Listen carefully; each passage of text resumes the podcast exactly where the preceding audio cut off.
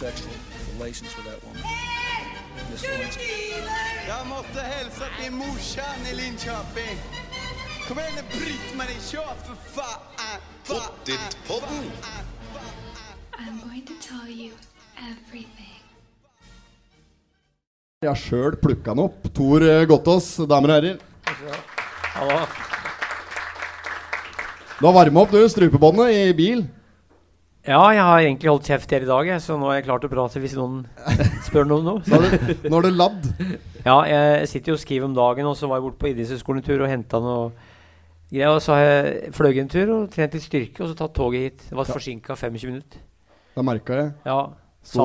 Sa han hvorfor det var forsinka? Nei. Nei, hun sa bare at det var forsinka. Ja, ja. Fikk ikke noe årsak. Hørte ikke noe du heller, nei? Nei, nei, ingenting. så det bare ble sånn. Hørte ikke etter heller, Så. Nei. Så, nei, også i kjent sånn uh, Pottitpodden-stil så er det ingenting som er planlagt. Så der syns du du var helt magisk. Når vi, at Ja. det, er- det er sånn du ville ha det, skjønte jeg. Er veldig bra. Ja. Og så er, er lyden bra, eller? Hører dere hva vi sier? Banditten, du som sitter bakerst. Det er bra. Toppers. Nei, Det men da har vi fått bekrefte det. Veldig bra. Du har med deg en del bøker, ser jeg. Jeg tok med noen. Eh, det skal komme en ny bok i morgen om en som heter Magnus Midtbø, han klatreren. Ja. Men den, den, den får jeg faktisk i morgen. Men jeg tok med en bok om Josef Helvete.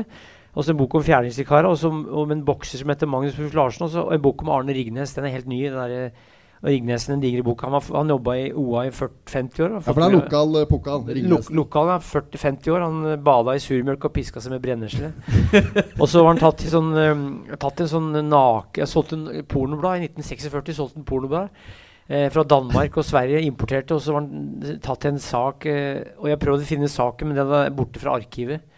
Så han har fjerna sin egen sak sannsynligvis fra arkivet som lå borte på Gjøvik. Så Ringnesen, altså. ja, Ringnes, men han, han var en veldig artig kar, og boka er en hyllest til Ringnesen som fotograf. Han var en aktiv nudist, gikk naken på ski. Det er bilder av en hopper på ski naken der. Og dama hans gikk naken på ski. Så til og med døtre som tok bilde av nakne på ski på 50-tallet og solgte som postkort. Det er ganske spesielt på 50-tallet. Og, og, og mora til kjerringa var religiøs, så, men, eh, men det gikk bra. Så den boka er om han. Altså, den, den kom ut 7. november. Ja. Det Har blitt noen bøker, da? Hæ? Det har blitt noen bøker. Mange bøker har du skrevet? Eh, boka i morgen, det som skal komme ut om Magnus, er nummer 42. Som jeg har skrevet, men jeg har skrevet mange flere, men som er gitt ut, er 42 som gis ut. Ja, det er ikke bra, men jeg må ha noe å gjøre for å fylle tida. Så jeg har, må ha noe å gjøre om når jeg står opp om morgenen. Du skriver for fort, da, antagelig. Nei, jeg skriver med én finger på én hånd. Jeg, jeg skriver ikke så fort, men jeg skriver veldig jevnt. For å skrive det ei, side om dagen, så er det 365 sider i år. Hvis du gjør det to sider, så er det 730. Vi kan fire sider om dagen, så er det 1480 sider. Så det blir en del sider på et år hvis en skriver litt hver dag. Så det er egentlig det som er hemmeligheten, å skrive litt hver dag. Akkurat. Ja, og du, men uh, disse bøkene du har med deg, blir til salgs etterpå? Eller når vi er ferdige her? Er noe som du er til salgs veldig billig. Ja. selge unna? Sånn to, Totenpris. Totenpris. Kjemperabatt der, ja. Ja, ja, ja. Du har jo eh, vært fartlig fart på Toten, har du fortalt meg i stad når vi satt i bil, at du har vært her en del og holdt noen foredrag og sånne ting, og har sikkert en del gode historier om eh, folk fra Toten og i det hele tatt. Egentlig ikke, nei. Alt jeg har hørt som er verdt å si, det kan jeg ikke si her. Nei, du vet, sånn er det. Så jeg hører jo så mye rart, vet du, så, så hvis halvparten er sann Nei, jeg, jeg, jeg, mye, det artigste jeg hører, kan jeg ikke si her, vet du. Norge er et lite land, så du vet åssen det er. ja. Vi kan klippe litt og ligge etterpå. Da, Ja, det går an, det. det Ja, går an. Så det er, det er bare å rett fram. Bare si akkurat hva du føler for. Jeg hadde et foredrag eh, nede i Telemark, og der var det en eh, loffer som hadde 42 løsunger. Og det drev jeg og prata om, og så kom det ei kjerring opp etterpå, hun var unge nummer 42. Jeg syns det var flaut, men hun gliste bare. Men jeg syns det var pinlig, så da skjønte jeg at Norge er et lite land. Ja. Så må jeg være forsiktig med hva jeg sier. Altså. Ja, det er sant. Godt poeng. Vi har ikke noe filter i denne podkasten, vi, da. Så her er det bare å klemme på. Vanligvis så ja? pleier vi å surre gjennom uh, Totens Blad. Tenkte vi skulle få slippe deg i dag. Så interessert i lokale nyheter er du antageligvis ikke. Nei, ja, men det er bra avis. Jeg har lest uh, avisa for at den er tre ganger i uka kommer, eller to. Eh, En gang i uka. Er det en bare? ja, Kommer en gang i uka. Det var, det var tre før i tida, tror jeg. Det er godt mulig. Og 70. jobba han i Totens Blad, han der Ringnesen? Han jobba i OA, kun Oppland Aurblad. Ja. Og, og var stasjonert her i, på Lena på 50-tallet. Eh, men da syntes han det var så kjedelig, for han måtte dra på sånn kommunestyremøter. Så han var plassert i, på Gjøvik og tok mer sånn, lagde mer sånne, det som kalles feature-artikler. Sånne lange artikler hvor han tok bilder og intervjua folk. Så han var sånn type som eh, eh, Han var jævlig folkekjær og kjent på, i området her. Da, fra, han begynte i 49 og slutta i Han døde i 2003, så han drev på den. Var bortimot noen og 80 år. Altså, skrev i mange år. Flink fotograf. Han tok bilder eh, jævlig, jævlig spesiell type, egentlig, som, som var fra Oslo egentlig, og hadde kjerring fra Dokka. Så derfor flytta han oppi der en periode under krigen. Da kom jo krigen, og da flytta folk fra Oslo flytta oppi der. Og så, og så hadde han vel egentlig ingen jobb. Han var NS under krigen, faktisk. Medlem med NS. Eh, men det var for å ha radio, sånn. for de måtte ha radio.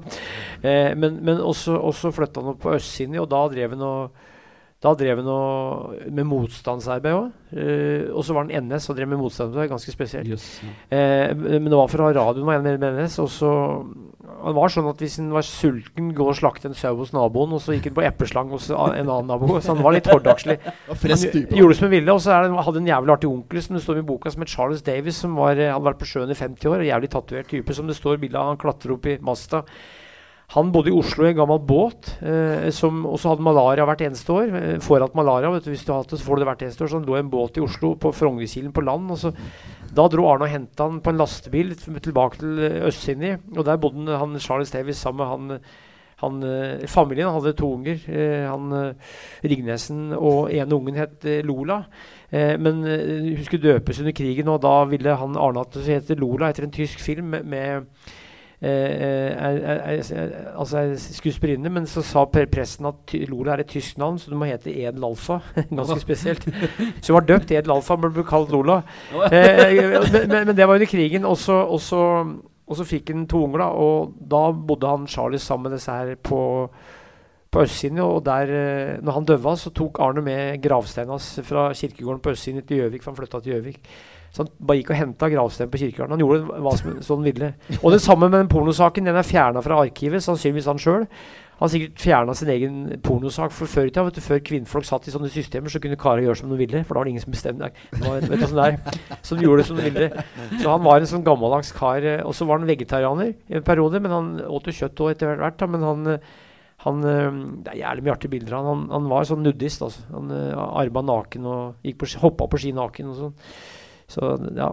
Åssen var det du kom over handa? Eller var det som på en måte jeg- jeg- Hva inspirerte deg til å skrive om den? Jeg, jeg var og holdt et foredrag på Østsiden i september 2015 om loffere. Jeg skrev noen bøker om loffere. Og da var det en kar som heter Ove Rødbergshagen, som bor oppi der, som sa at det var noen slike typer her også. Ja, hvem da? sa. En kaller Josef Helvete, sa han. Eh, og ja, hva het han? Ingen som veit, sa han. Ingen som veit. Han Josef Helvete. Eh, og, men han var tater, sa han. Og tenkte jeg, jeg har aldri hørt om en tater som heter Josef. Jeg har skrevet fire bøker om tater, eller etter hvert fire bøker om tatere. Så undersøkte jeg fant at det var en tater som het Josef Elvebakken. Som var født 23.3.1900. Og han måtte være altså, På bakgrunn av en bisetning på et bakrom etter et foredrag, så skrev jeg bok på 200 sider. For han var kriminell, vet du. Og, og når det talte, så var det kriminell, og da var det lett å finne stoff. For hvis du har gjort noe gærent, så er det lett å finne stoff om det. Har du ikke gjort noe gærent, så er det verre å skrive bøker om det, for da har det ikke noe stoff å finne. Så han, og flere som levde som da, som da kjente den, og veldig spesiell historie som ble rulla opp. Og da kom vi bort til Rignes, men det omslagsbildet var det Arne Rignes som hadde tatt under krigen, han Josef eh, Eh, han døva jo da 15.11.1972 og ble begravd på Bøverbru, Ås kirke. Og det var ikke dødsannonse og ikke, ikke, ikke noe gravstein i dag heller. Nei. Så det er en ganske spesiell historie om en type som, som var en legende oppi der. Og det er sånne folk jeg liker å skrive om. Folk som da ingen, ingen som kanskje ikke har noe Som er usynlig historie, men som allikevel er synlige. Mm. Det er artig å undersøke, syns jeg. Ja. Et kapittel som heter 'I institusjonens klør'. Ja, ja, ja. Han var stempla som åndssvak, eller mindre begava. Og for det var sånn at hvis du på den tida her, hvis du onanerte, enten var du sinnssyk eller i ferd med å bli sinnssyk. hvis du var gutt, altså. Uh, kvinnelig onani var ikke noe issue ennå, men i hvert fall så lå han og onanerte i fengselet på Gjøvik, og da hadde de sånn Judas-øye hvor de så gjennom, gjennom fengselets uh, inn, inn, inn på har, deg fortsatt bortpå det. Ja, ja, da lå han og onanerte der, og da, og da var han sendt på Reitgjerdet ved Trondheim og fikk, med diagnosen sinnssyk, men derfor slapp han unna der etter seks uker og sendt på pressesetter. Så han var jo ikke sinnssyk, men han var bare Nei, litt det er jo han som, han som står og kikker, som skal være Ja, ja, ja, ja. Han var, han var jo pervers, han. Så, Det er grisen som sto og så i Ja, ja, ja, ja, ja. ja, nei, Han var på presseetter, det er det som er kapittelet handler om. I et gardbruk, gardsbruk på eh, Vestre Toten på lukka avdeling. ja, han, Han, kom, han var i, på runkeavdelinga på Reinsvoll. nei, han, kom, han kom på en felles, felles sovesal der i juni 1924, var det vel. Og da, og da var det slik at eh, han gjorde, som, gjorde noe gærent, der, da, så han klarte å få enerom. For at det, på, på, det var jo mye folk som var gærne oppå der. Lå og prata med seg sjøl og snorka, hosta og snøvla og sånn på felles sovesal. Men han kom, gjorde noe gærent, og da fikk han enerom, og da var han innlåst hver eneste kveld. Og fordelen var at da sov han i hvert fall i ro. Og så ble han arbeidsmann vet du, ute på jordet der, for det var digert jord, det var 1000 mål jord utpå der, eh, cirka, tror jeg. Og da ble han arbeidsmann, og så brukte de høygafla en dag. Og da kom han, eh, han sjefen flygende ut på jordet og så sa han Josef, Josef, hva driver dere med? Dere bruker høygafler. Er dere gærne? Er det ikke derfor vi er her, Altså? så, så, så han var, var der i tre og et halvt år. Og da kom han til Dokka i 27, og da, da hadde han vært borte i tre og et halvt år. Og da var han, øh, flytta han ganske snart opp i ei koie i skogen, og der bodde han i 30 år. Eh, i, I to forskjellige 30 år er i og- koie oppe i skauen. To forskjellige koier i over 30 år. Og flytt, fram til 1960 bodde han i to forskjellige koier oppe i østsiden der. Og det er det boka handler mye om. Det det enebolivet oppi der. Han levde da, liksom? Eller var han levde Nei, han levde jo og hogde tømmer, og så fiska han, og så jakta han. Han gjorde akkurat som han Var ville. sånn sjølforsynt? Sjølforsynt, ja. Og så hadde han noe gardsarbeid nede på østsiden. Og så var han kamerat med Fjerdingslikarer, som var tre brødre som bodde på bruket Fjerdingslien. Syver, Kristian og, og Johan. Syver han, var, han hadde vondt i Han fikk brokk, så han gikk og hadde vondt i Altså brokk i 45 år. Kom på gamlehjemmet, så ble han operert på dagen. Og bror hans gikk og kremta i 45 år, han hadde bronkitt. Og den siste broren hadde fått en tømmerstokk i beinet, så han gikk og halta i 45 år. Eh, og han eh, Syver døva i 51, Johan i 56, og han Christian levde lengst. Og han han nekta å få innlagt strøm på 70-tallet, så E-verket betalte han penger for å ikke ha strøm. For da slapp de å legge opp kabel og, og lage mm, sånn ledning. uh, og han bonden på bruket, han tok også mm, La sånn intern telefon til den uh, fra, fra gården, for det var en gammel husmannsplass. Og da ringte han hver tredje måned, og det syntes jo Christian var helt jævlig. For å bli forstyrra hver tredje måned, så han tok telefonen og sa 'jeg er til hjemme', og så la han på. jeg var fjerdingstekarer, og, Ja. og de tok han Rignesen bilde av. Og de har det mye bilder av. Så det er altså Jeg har samla gått gjennom 21 000 bilder og, og, og tatt ut da Så det er, det er sånn formidling og dokumentasjon av eh, Gå fram til 70-tallet, så det er ikke så gammelt, altså, men det er ganske gammelt for noen allikevel. Hvis du skjønner. Gå fra fra, så det er det jeg driver med, er jo sånn formidling av, og samling av gammel folklore og folketradisjon. Ja, ja. Er det lang tid jeg brukte på den boka? Hvilken bok? Den siste? Nå? Nei, ta søren, ikke så lang tid. Nei. For det må jo gå fort. Nei, altså det, det, går over noen år, men altså, men altså når du må se gjennom 21 000 bilder, tar tid. Men, Ja. men, men, men, men allikevel så går det nokså det, det tar jo noen måneder, altså. Ja, ja. Skrive bøker tar jo tid. Men det, det trenger ikke å ta mange år, det kan ta noen måneder. Ja. Så ja. Han være bustet i den der eh, hytta hans, han bodde oppå der sjølforsynt og sikkert ikke innlagt eh, strøm eller vann eller noen ting. Var i, Jeg hadde ingenting, og så åt han opp alt, all maten han hadde, og så lå han og ørta fram til han trengte mer. Så kunne det gå en dag eller to til nå til neste gang. Så han vaska seg ikke, eller han brant klærne sine en gang i året. Eh, så hadde han sånn ganske hordagslig livsstil. Hadde, og hadde faktisk to unger. Og det kom fram da, da boka skulle trykkes, så kom det fram at han hadde to unger. og eh, ene døde under krigen, og andre kan risikere å leve enda, for hun vet ikke at det er datter til Josef, har jeg funnet ut, tror jeg. Oh, ja. Tror jeg, tror jeg. Ja. Og hun er i så fall rundt 90 år, hvis hun lever. Det kan godt hende hun hører på dette her. Ja. Men, eh, men, men, men, men, det nekter jeg vet ikke, men altså uh, Hun første hun døde under krigen, uh, det vet vi. Og andre kan hende at hun lever. For han, han hadde jo i hvert fall to det som het løsunger før. altså det er, Ordet har gått ut av språket. Løsunger betyr at han var utafor ekteskap. Han var jo aldri gift. Josef, og, var en av ni søsken som var bortplassert der. For han var egentlig en av ni søsken, og mora øh, strøk med. Og da ble han plassert oppå der i 1907 hos Gudbrand og Kristiane Elvebakken. Som, var, som bodde på plassen Elvebakken, derav navnet Helvete. Han ble kalt Helvete. Derav navnet, navnet Josef Helvete, for han het jo Josef Elvebakken. Mm.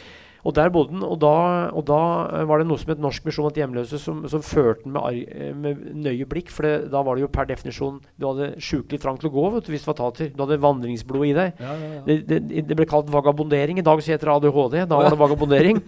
så hvis du, hvis du har trang til å røre deg i dag, så er du hyperaktiv. Men altså, han var der, og da og da eh, fins det faktisk en god del rapporter fra dem på han, som jeg fant på Statsarkivet på Hamar. Derfor kunne jeg skrive en bok på, basert på et utsagn på bakrommet etter et foredrag. For det fins faktisk en mappe på han. altså.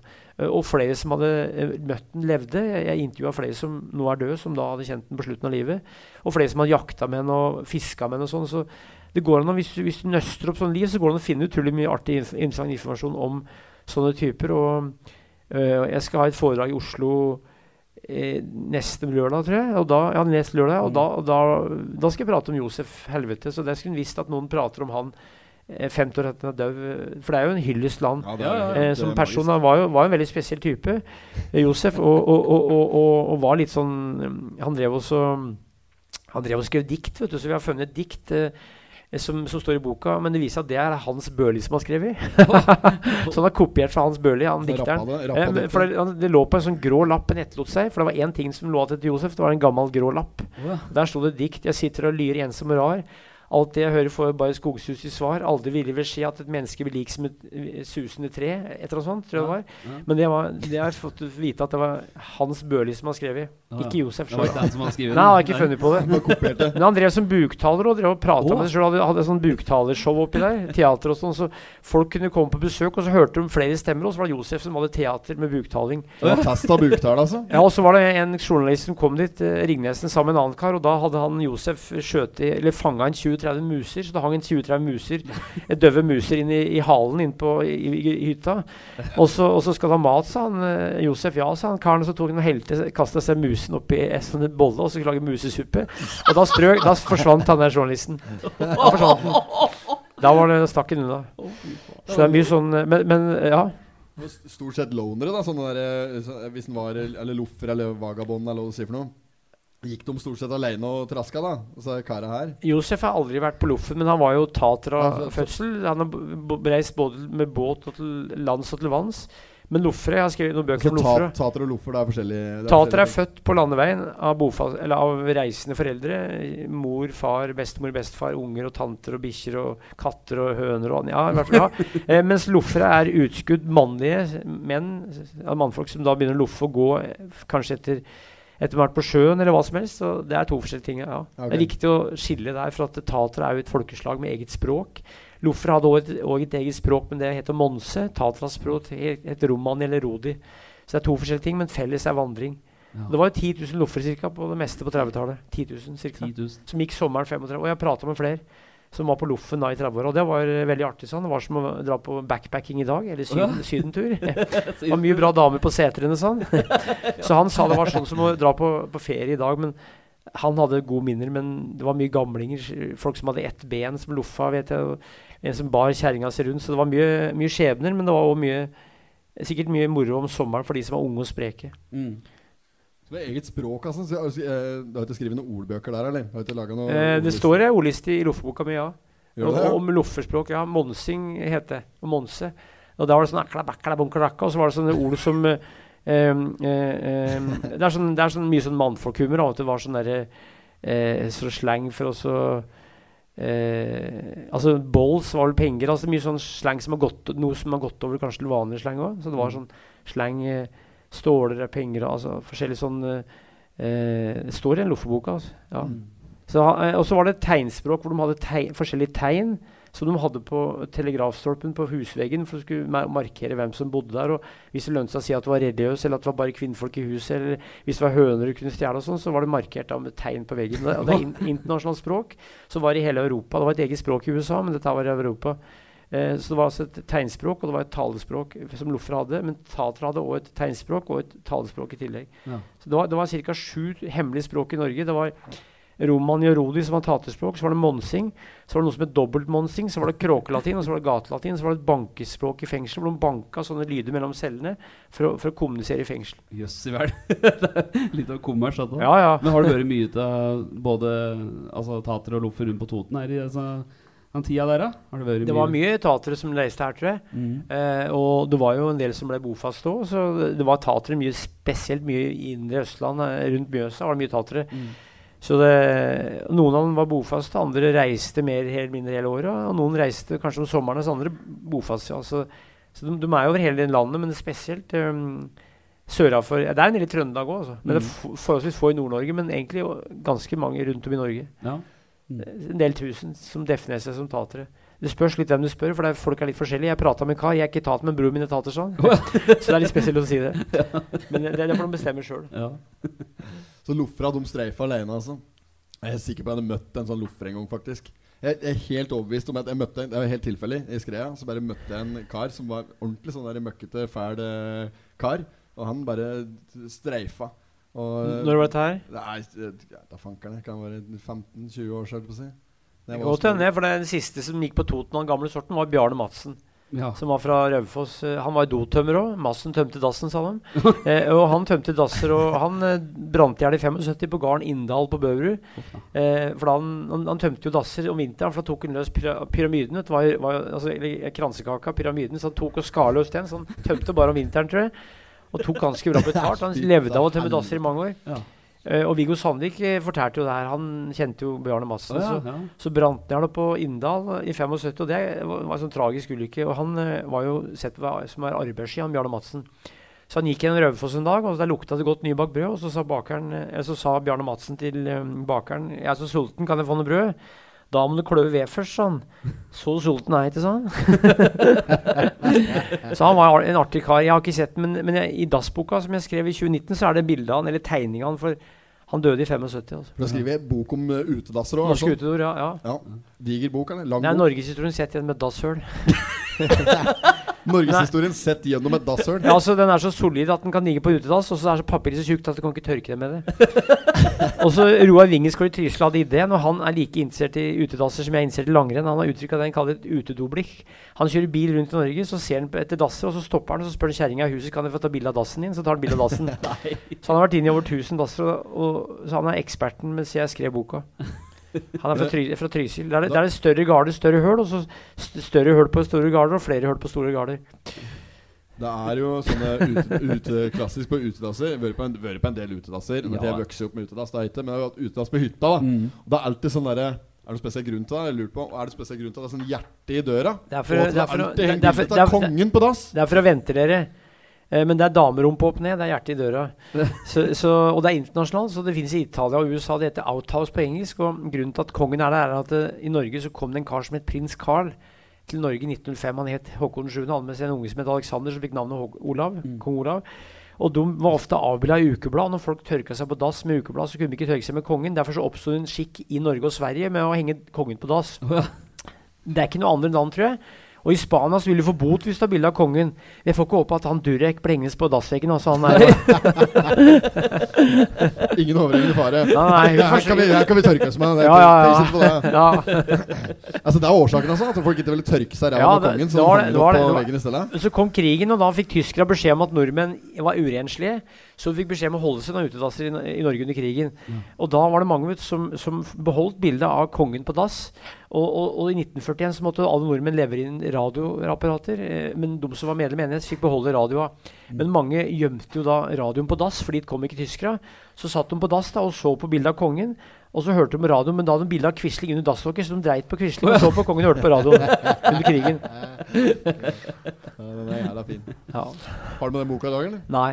Dassboka? ligger i Oslo, Norske utedoer. Men den var artig å skrive. Og der er faktisk bilde av eh, Eller Oddvar Brå er med, for han, han var jo enebarn og bodde på en gard oppe i Høllånda. Du har skrevet bok om Oddvar Brå? Ja, i 20, 2018 gjorde jeg det. Og, og han var jo enebarn, og der var det tre høl på dassen på låven. Det var to store og et lite høl, for unger hadde mindre høl. Og der var I 1958, da han var sju år, så satt oldefaren hans på dass. Og da tok hun og stakk henne i ræva med en skistamme, så han spratt en halvmeter opp. Og det turte ikke Oddvar å si før han var 30 år. Han syntes det var flaut. Oh, ja.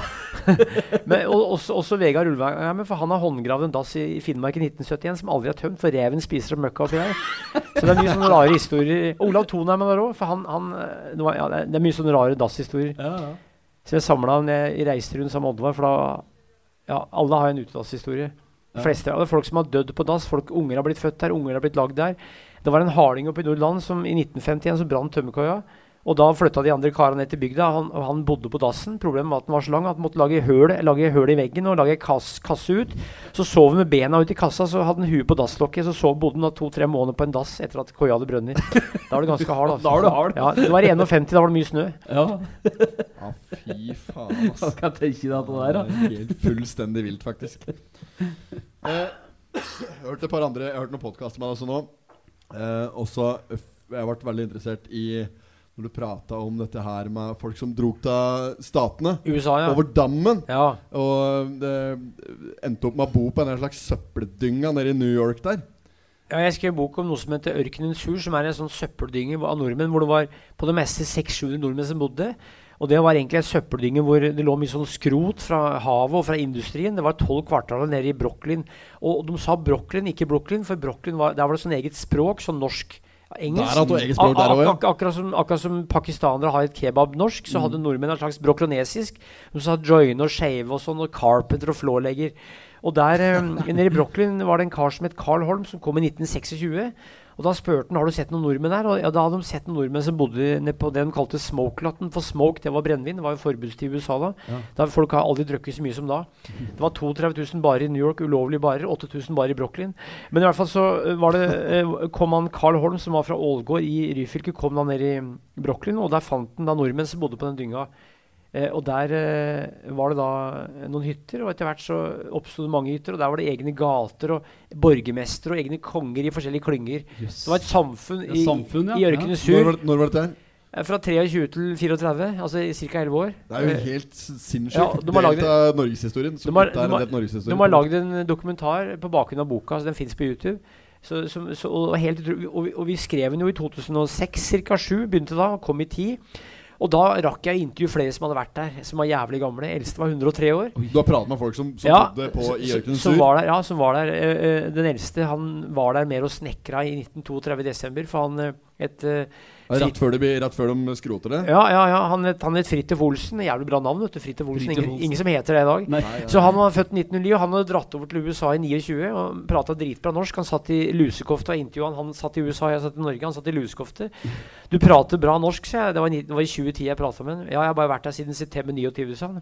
var, og han var, han var i slekt med Knausgård, han forfatteren. Oh, ja. Så han kjente Knausgård-slekta. Også, også og så- Han hadde dratt over da i, fra arbeid i Chicago som snekker, og så kom ned til New York, og der arbeidet han som snekker. Og, og han arbeidet da som snekker i, i Ørkenes Sur i desember 1932, for han bygde med sånn forsamlingslokale for de norske. Og det var så jævlig sånn at folk besvimte på gata av sult. Og det het seg det at hvis du skulle få jobb, skulle du stå under en, en skyskraper, for hver gang du datt ned en kar, så var det en ledig stilling. folk som slo seg i hjel. Det er håla bud, altså. Ja, så det var det. Så det var knallharde forhold. Og han Men- sa det at det kunne bo 15 stykker i en leilighet. Ja. I, eh, i, I brakker de har bygd opp i Nord- søppelbyen der? Nei, nei i leiligheter, men, men i brakkebyen så var det, der var det jo sjølbygde hytter. Ja, sånn, ja. Så det var altså um, helt frakt altså åssen folk levde. Og, og, og i Ørkenesju så var snittet på de som døde 40 år. 40 år altså. Mange i 20-åra som døde, og de ville ikke gå til eh, legen og sjukehus, for da de var ulovlige immigranter. Vet du. Ja, sjøfolk som hadde mønstra, og det var sjøfolk som gikk i land. Det var 60-90 dager de fikk lov til å være der.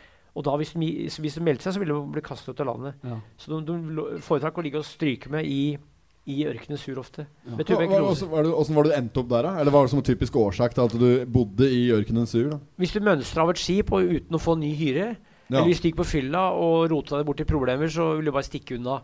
Og det var et miljø. Det var på det meste 600 nordmenn der. Eh, ei dame, tidligere ut, eller utrangert hore, som ble kalt Oslo-kvinnen. Og så var det karer.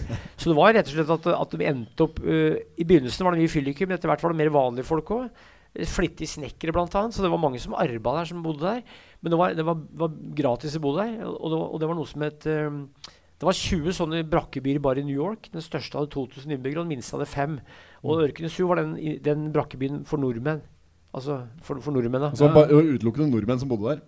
Nordmenn, noen svensker, finner og dansker, og to-tre negere, og så noen fra Puerto Rico. Det Ja, var for du sier neger jeg fortsatt. bruker det uttrykket, Ja, ja, ja. ja. Eh, Erna Solberg skal ikke bestemme jeg skal, hva jeg skal prate. jeg si. Men i hvert fall så Men eh, da for å slanke seg først. Så, men i hvert fall så Så, så, så, så, så, så var det sånn at uh, i utkanten bodde det en del familier fra Puerto Rico.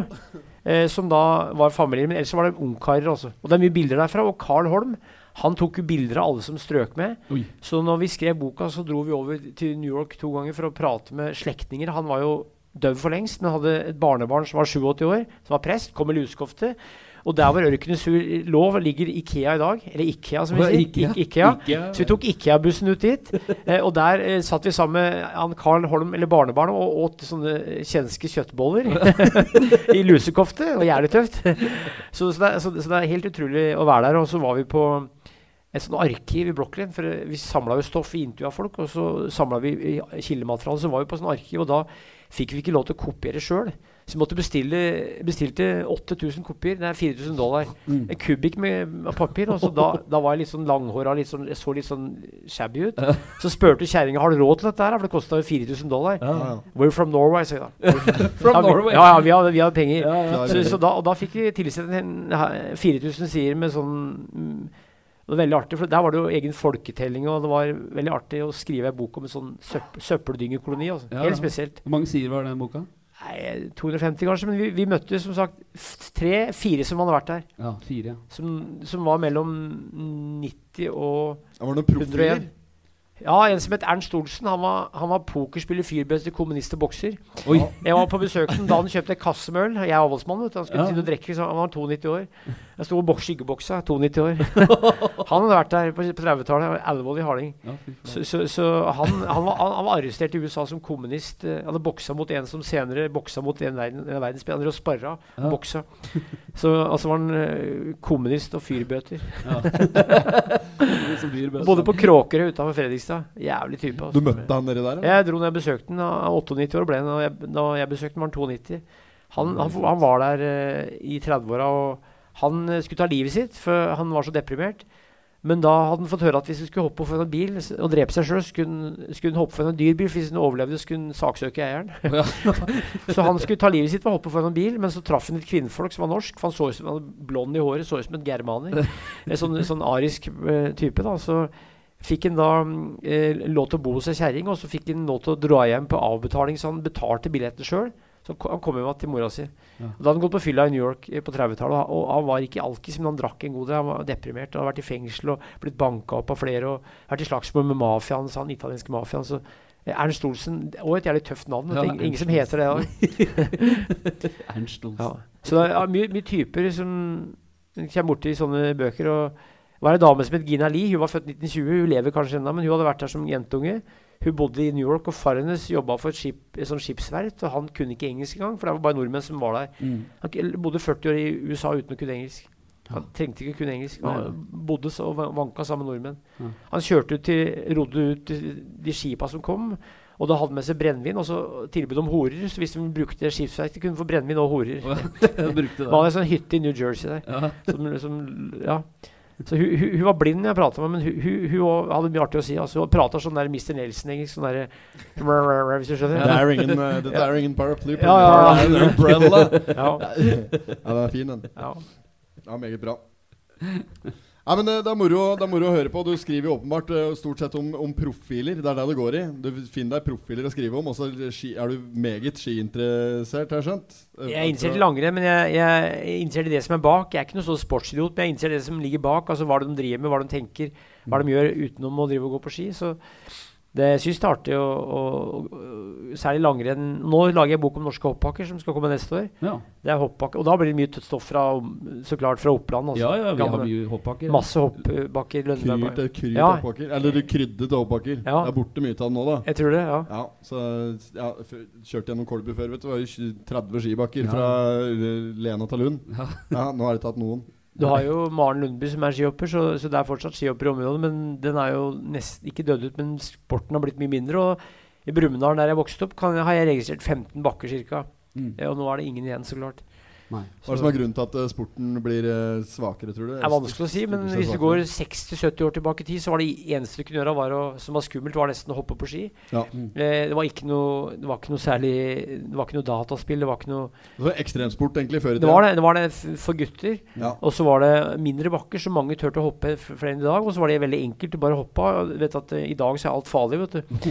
Da var det helt ufarlig å hoppe 60 meter og få hjernerystelse. Det var normalt for en gutt. I dag så er alt farlig. Så det har noe med det å gjøre òg.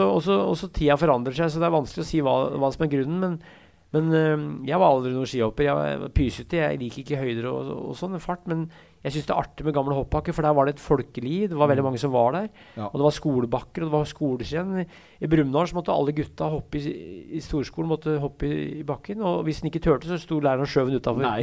Ja, ja. For det er der du er fra, er det ikke det? Vokste i Brumunddal, ja. ja vokste med Der var det skolebakker. Er du skihopper? Nei, nei, jeg hoppa tolv meter som lengst. Jeg, jeg pyser. Ja, det er mer enn jeg tør å hoppe, i hvert fall. Ja, er. Du, Nei, men du har idealkroppen, da. Ganske bra skihopperkropp, du, har du ikke det? jeg tror ikke det, men du sa det i Brumunddal at noen som ikke turte å hoppe, gikk langrenn. Noen som ikke gadd å gå langrenn, kjørte alpins hvis foreldre hadde god råd til å kjøpe, kjøpe utstyr. så, så, så jeg var aldri noen skihopper. Men, jeg, men naboen var skihopper. Og jeg syns jo egentlig det var artigst den tida de hoppa med samla bein. Jeg syns, at Westin har gjort det ikke, ikke, ikke, stygt, ikke stygt, men det har gjort det annerledes på en måte som eh, Den er uttrykket av hoppsporten, den, altså, men, men, men eh, så har de hjelm og så har de briller, så det er umulig å se hvem det er. Du ser jo ikke som hopper. Nei, det er vanskelig det er å se. Før så kunne du se hvem det var på Kanskje de hoppa uten, uten sånn uh, lue. Ja, ja. Hadde Så- sleik, da. Ja, eller bakoversveis. ja, Ja. du får jo sleik. Ja, Ja.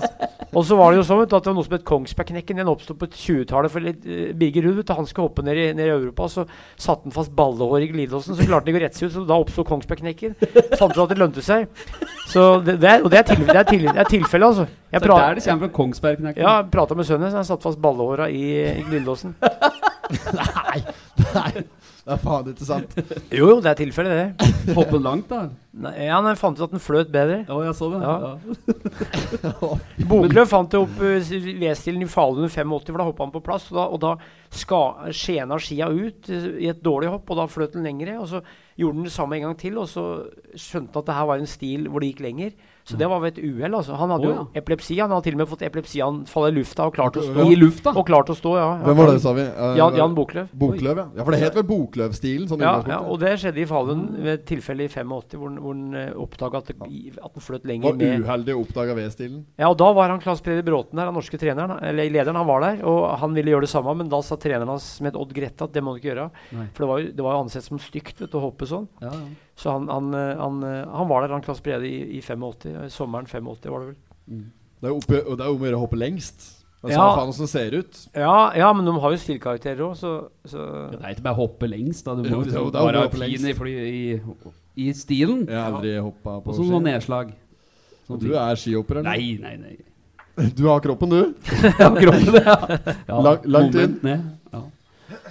Men Han- apropos sånn hopp, det er jo noe usagn der, for du har jo Anna hoppet etter Virko, da. Er, Ja. det- Hva var greia rundt Nei, det var jo, var jo Det er jo sagt to ganger. Det var jo sagt i NM eh, i Skuebakken eh, eh, rundt 65, tror jeg. Og så var det sagt i VM i Oslo i 660. Og det var det at det var vanskelig å hoppe etter Wirkola. Han var jo suveren. Ja. Så jeg skrev en bok som het 'Før etter Wirkola'. Den Ja. handler om hoppsporten fra krigen fram til bokløpstiden. Så, og Wirkola er en veldig artig kar. Han er fra, han er fra Alta. Har, du- eh, har du møtt uh, Wirkola? ja, han, jeg var i intervjuet han, og han, han har jo, er spesiell. For at de har tatt sånne tester av skihoppere hvor, hvor de måler pulsen på toppen av bakken og på hoppet og i lufta. Og alle hadde ganske bra stigning nedover mot toppen, og så økte det kanskje i lufta. Mm. Bjørn Wirkola hadde ganske lav puls på toppen, så sank den mot hoppet. Så han, pulsen hans sank på vei mot hoppet. Det eneste som, puls, eneste som hadde lavere puls eh, da han hoppa, det var Bjørn Wirkola. Ja. Så datt han bare én gang i hele karrieren, tror jeg. Så han var ekstremt god til å stå på beina. Eh, så han var altså veldig god skihopper. Bjørn Wirkola fra Alta oppe i, i Finnmark. Eh, så så han, han var helt spesiell eh, som type. Altså, som, eh, og så var det en som het Toralf Engan, som var fra Hølonda. Han hoppa jo så pent at folk begynte å grine. Han røkte jo, for, røkte jo for mange av disse hopperne røkte for å holde vekta. Oh, ja. Så, så han kasta, var så nervøs han kasta før han skulle opp. Men han hoppa veldig pent, Toralf Engan fra, fra, fra, fra, fra, fra Hølonda, som samme klubben som Oliver Brå Leik. Altså. Mm. Så det var noen sånne stilhoppere på Det er 60-tallet, dette her. Ja. Jeg syns det er veldig fint å se på, men, men det er jo avleggs. Men de hoppa veldig fint, disse kara der. Ja. Så da ble det et utsagn, da, at uh, Ja, for- hopperen etter Ja, ja. Den hoppa kortere enn Wirkola sjøl, så var det? Nei, det var, det var, det var jo pre, det var press, vet du. Det var press hvis du hoppa etter Wirkola. ja, ja, ja.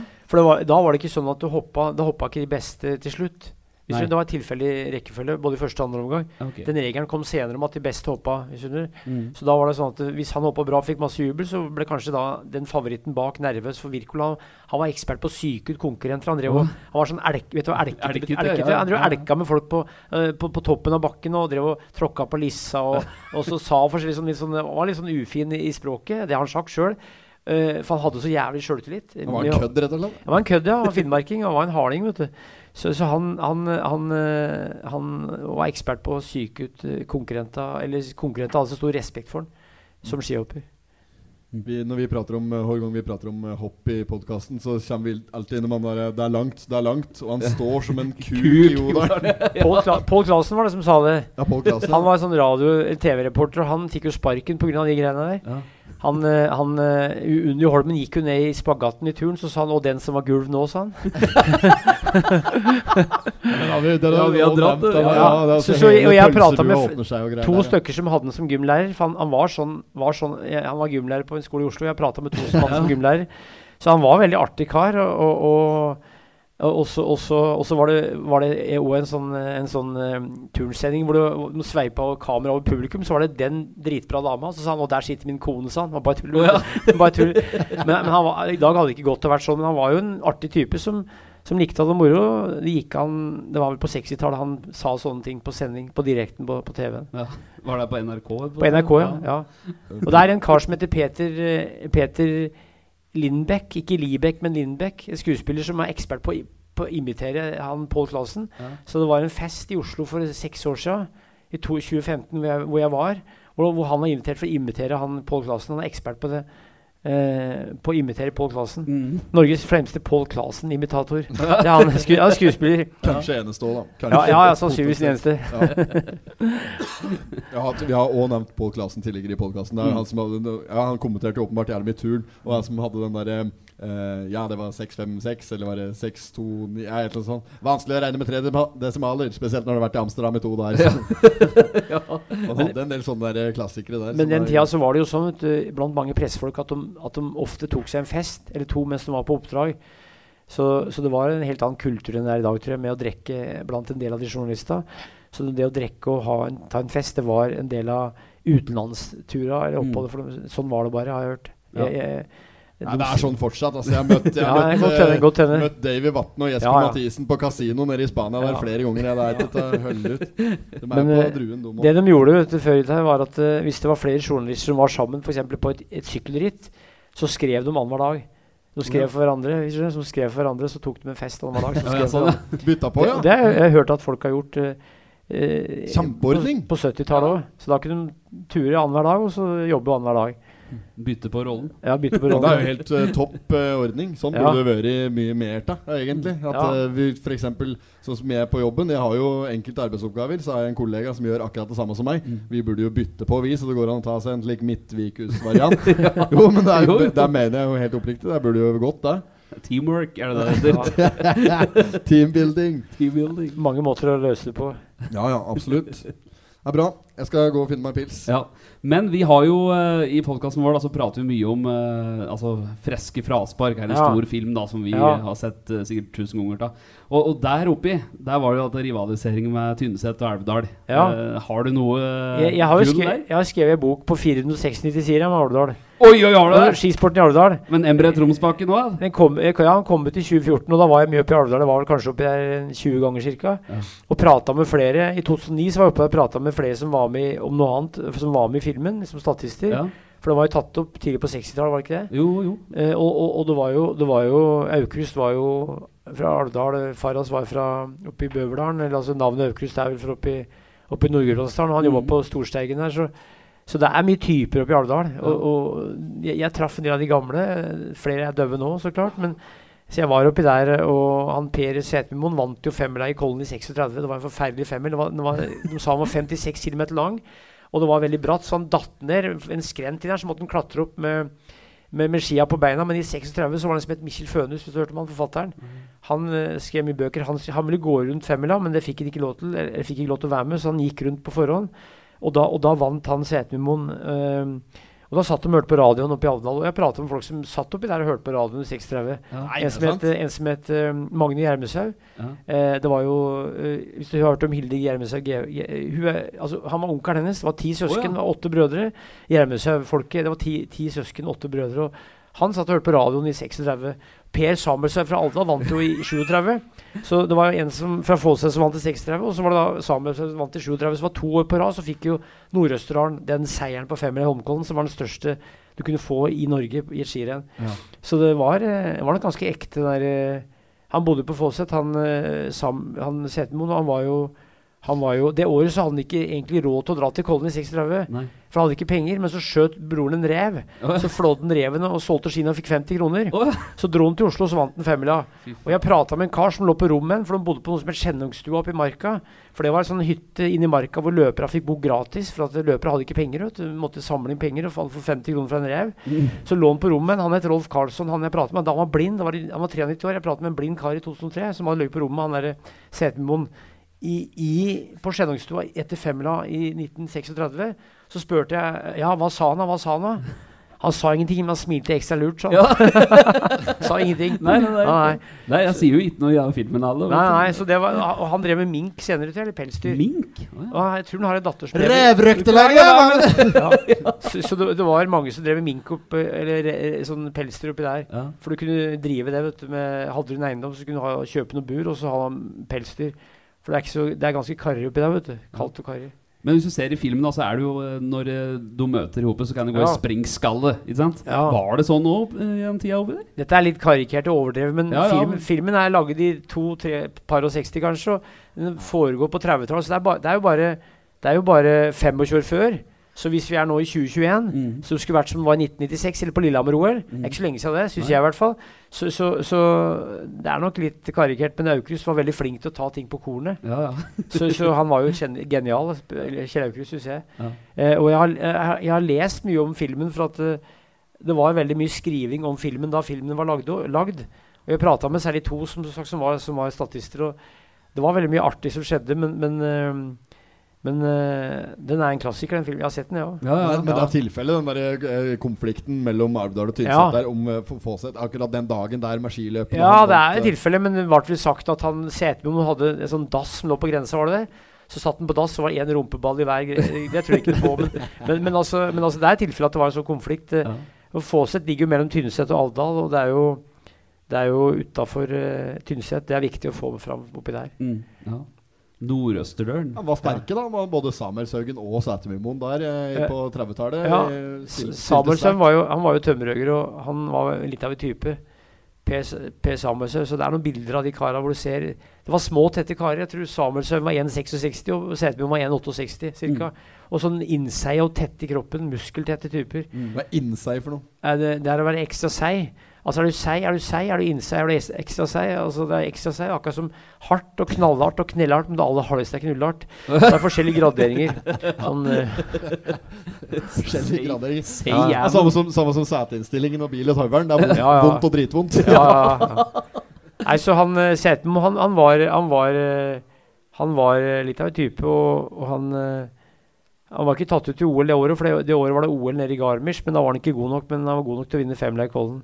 Mm. Så, men, man var visst veldig beskjeden og ganske sånn fåmælt. Og det var mange av disse karene var jo det. Men du, du sa ikke så mye. Var det er litt som med Northug i 06 der. Ja. Det er litt samme tilfelle. Eh, nei, nei, egentlig ikke. For han han var, han var, det var, så, han var ikke god nok da. Men Northug burde vært med i 06, Men jeg. Ja, helt klart. Men jeg tror ikke Setemo hadde så mye å gjøre i OL, men Northug burde vært med i 06. Ja, okay, okay. Det er jeg ganske sikker på. Som overrasker meg mest i historien, er at du fikk igjen 50 kroner for en ræv på 30-tallet. Det er ikke faen ikke rar inflasjon der. Altså. Det er ikke øk mer du får for ræven nå, banditten. 500? Ja, 500 er for ræven nå. ja også i, i, i 1936 så vet jeg det at eh, da for å kjøpe et par racing eh, langrennsski, de beste skia, kosta 50 kroner. Ja. Så det kostet en, og, og og, hvis du var gardskar eh, eh, på en gard f.eks. på Hedmarken, så hadde du kanskje 50 kroner i månedslønn. Mm. Så det kostet en måneds, Men da hadde du gjerne maten attåt. da. Ja. Så det var så en månedslønn for å kjøpe et par ski. Det er ganske, dyr, ganske dyrt. Ja, altså. ja, ja. Nei. Men- det, er, men- det, det koster nå da, for et par ski. Månedslønn. Ja, det er kanskje det. Er kanskje, det, er kanskje, det er kanskje Spørs hvordan hvordan du spør. Ja. Nei, for det, for, Spørs hva du arbeider med, åssen ski du skal. Si. men den reven må ha vært veldig bra, for det 50 kroner var mye penger da. Altså. ja, ja. Så, så, men det er, det er det jeg har hørt. Det kan, det kan være feil, altså. Men det, det jeg har jeg hørt oppi der, altså.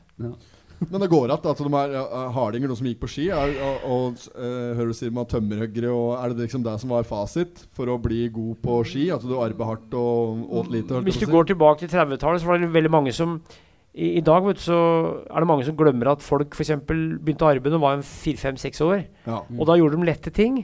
Og når du var 20 år, så hadde du kanskje arva i 15 år med forskjellige ting. Begynte med Det var en kar oppe i Moelven som døde for et par år siden, Norges eldste mann. Han ble 109 år, tror jeg. Han sa at han hadde begynt å arbeide da han var 18 måneder. 18 måneder. Ja, han sorterer poteter. Og så kan du bruke en sånn iPad, så kan du sortere poteter, hvis du skjønner. Ja, ja, ja. Så han har arbeidet fra 18 måneder, og, tanta mi er sammen med en kar. Han er født i 37, han arbeidet fra han var 5-6 år. Så de arva tidlig, og da begynte de med det lette. Kanskje plukke poteter og sånn. Og så begynte de å slå med ljå kanskje de var 10 år. Og så var det kløve ved og hogge tømmer og sånn. Så, så, og da var det sånn at gutta ville jo gjøre tyngre og tyngre ting. Mm. Og de sterke tålte dette her. Mange ble ødelagt. De stålte, og det var de som ble skiløpere. De som tålte dette her. Så kunne de kanskje satse på ski på heltid om vinteren som seniorer.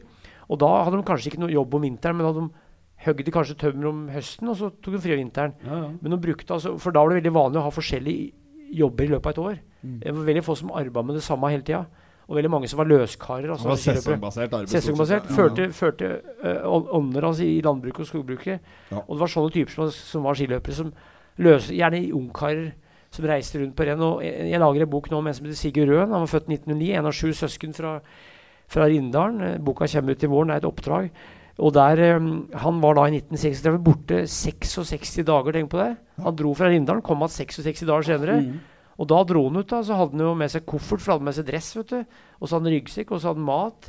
Men borte i 66 dager, altså, tenk på det. På reise nedover Europa, rundt i Norge. Det er ganske utrolig, altså. Ja, sterkt, det. Ja. Men det var, uh, fordi, ja, for det gikk ikke an å arbeide av å være eh, idrettsutøver, eller i hvert fall et langrennsløper på, på tida der. De beste måtte ha fri om vinteren, for at det, det tok så mye lang tid å dra på skirenn. At du måtte ha, rett og slett, for da var det tremila på torsdag. Så var det langrenn og hopp i helga, og så var det fest natt til mandag. Så hvis du var god, så måtte du ha fri et par måneder vinteren for å reise rundt på renn. På 30-tallet. Altså. Ja. Proffe uten lønn, altså. De hadde ikke noe lønn, men de, den første du vet om som er eh, lønna skiløper? Som hadde, som Nei, det var I 1888 så var det femmil i Kristiania eller i Oslo. og Der var det, fikk vinneren en, et sølvpremie verdt 400 kroner. Ja. Og det var jo nesten en årslønn. Mm. Og den solgte han dro til Amerika. Kom aldri igjen. Så, så det var jo lønn på et vis. Og ca. 40 av skipionerer fra Telemark, inkludert Sonne Norheim, solgte jo premia sine og dro til Amerika. Mm. For premien var mye verdt. Så de brukte da premier i langrenn og skisport, hopping, som en del av velstandsøkinga. Så det, og, og det var en kar som het Koskenkorva, som var i Norge i 1915, gikk femmila i Kollen. Ja. Han var sponsa noe som heter Huskvarna, hvis du hørte om det? Sånne, Huskvarne? I Finland. Da var han sponsa av dem. Og han solgte premien sin da han kom tilbake, for da fikk han penger. ja, ikke sant. Så premie var jo mye verdt, det, da. Når du får solgt det for Ja, du- Hvis du får en premie som er verdt en årslønn, så er det mye det Ja, for ja, ja. skirenn. Het den Koskenkorva, altså? To brødre i Koskenkorva. Så han ene drakk seg i hjel, tror jeg, men den andre var edru. Det gir mening, det. Gir Ja, mening, ja, ja. Ja, Belastende navn. Ja. Kosken Ja. Få en applaus for den, faktisk. Ja,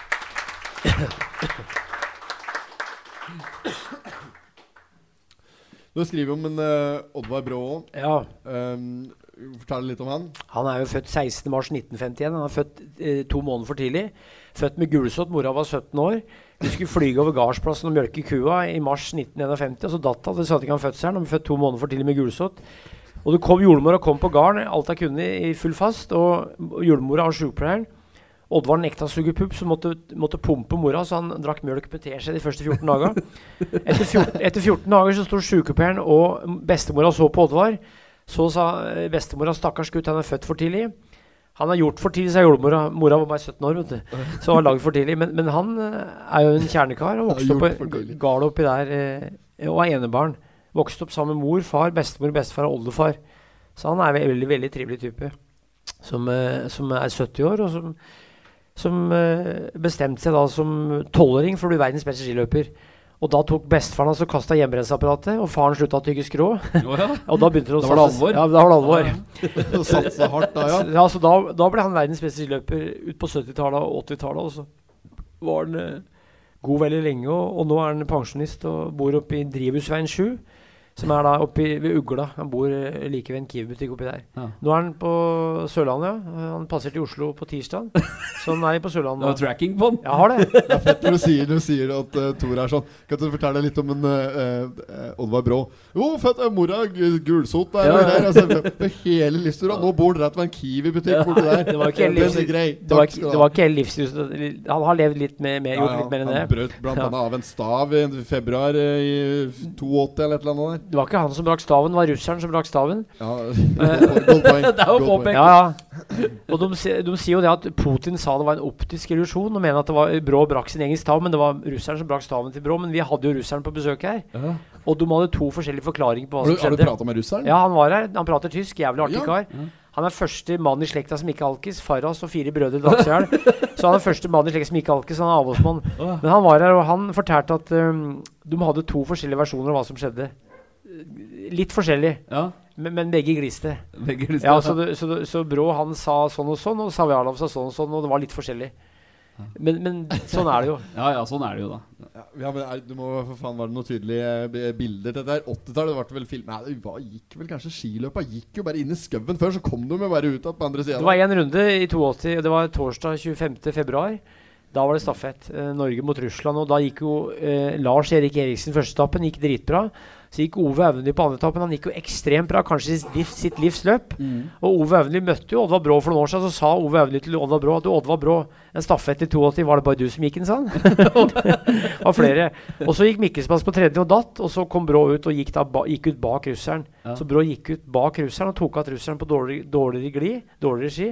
Og så gled de inn til, mot, mot stadion, og så måtte Brå gå forbi. Så det var et, eh, Første gang jeg intervjua Oddvar om det løpet, så satt han og prata i tre kvarter om den, om den stafetten. Han gjorde det, ja? Ja. Han husker hver meter. Han gjorde det. Så, så disse kara som går på ski, har ofte god hukommelse. Vegard Ulvang husker alt han har smurt med. Ja. Det gjør Peking Dorland, husker alt han har smurt med. Yes. De har klisterhjerne vet om sånne ting. Ja, klisterjern, ja. ja. Smole seg bort før i tida. Du Ja. sier jeg må ikke smøre deg bort. Nei. Ikke smøre deg bort nå. Det er vanlig å smøre seg bort. Ja, ja, mange som har gjort det. Ja, Du gjør ikke det nå lenger. Nå er det Jo, jo, profesjonelt jo, det er opplegg med lagbusser det- og smørebusser. Det og- skjer. I dag så gir, små utslag eh, gjør så store kan utgjøre så store tidsforskjeller. Så det er mange som Det er så mye, det er så mye, sånn, det er så mye mekk vet du, med skia. Mm. Jeg går stort sett på blå ekstra hele året.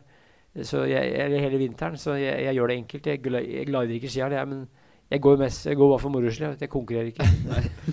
Husker jo eh, sist når, når vi skulle gå på skive. Ah, Jeg hadde sånne Coca-Cola reklameski som vi ikke hadde hørt i Som henge i takene på Petter Aas! Ja, som reklame! Sånn stikk han alle timer. Ja, altså, ja, ja. Nei, det er høller til det. Men var det han eh, godeste Brå der, var han ren som profesjonell eh, utøver? Han uh, slutta skolen da han var 17 år.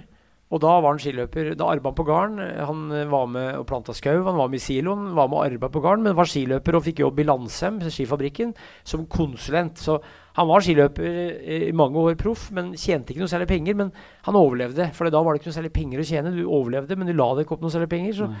han var den første som ikke høgg tømmer. Han er født i 51 og kom opp på 70-tallet og høgg ikke tømmer, men hadde vært med i skogen som planter. Og Faras var tømmerhogger, og Faras var gardbruker. Så han har faktisk eh, Moras lever, hun er 88 år. Mm. Så han er fortsatt Han, er jo, han har jo ar arving på den gården. Han har enebarn, så han har arving på den gården hvor mora bor på alene. Hun er minstepensjonist og bor der.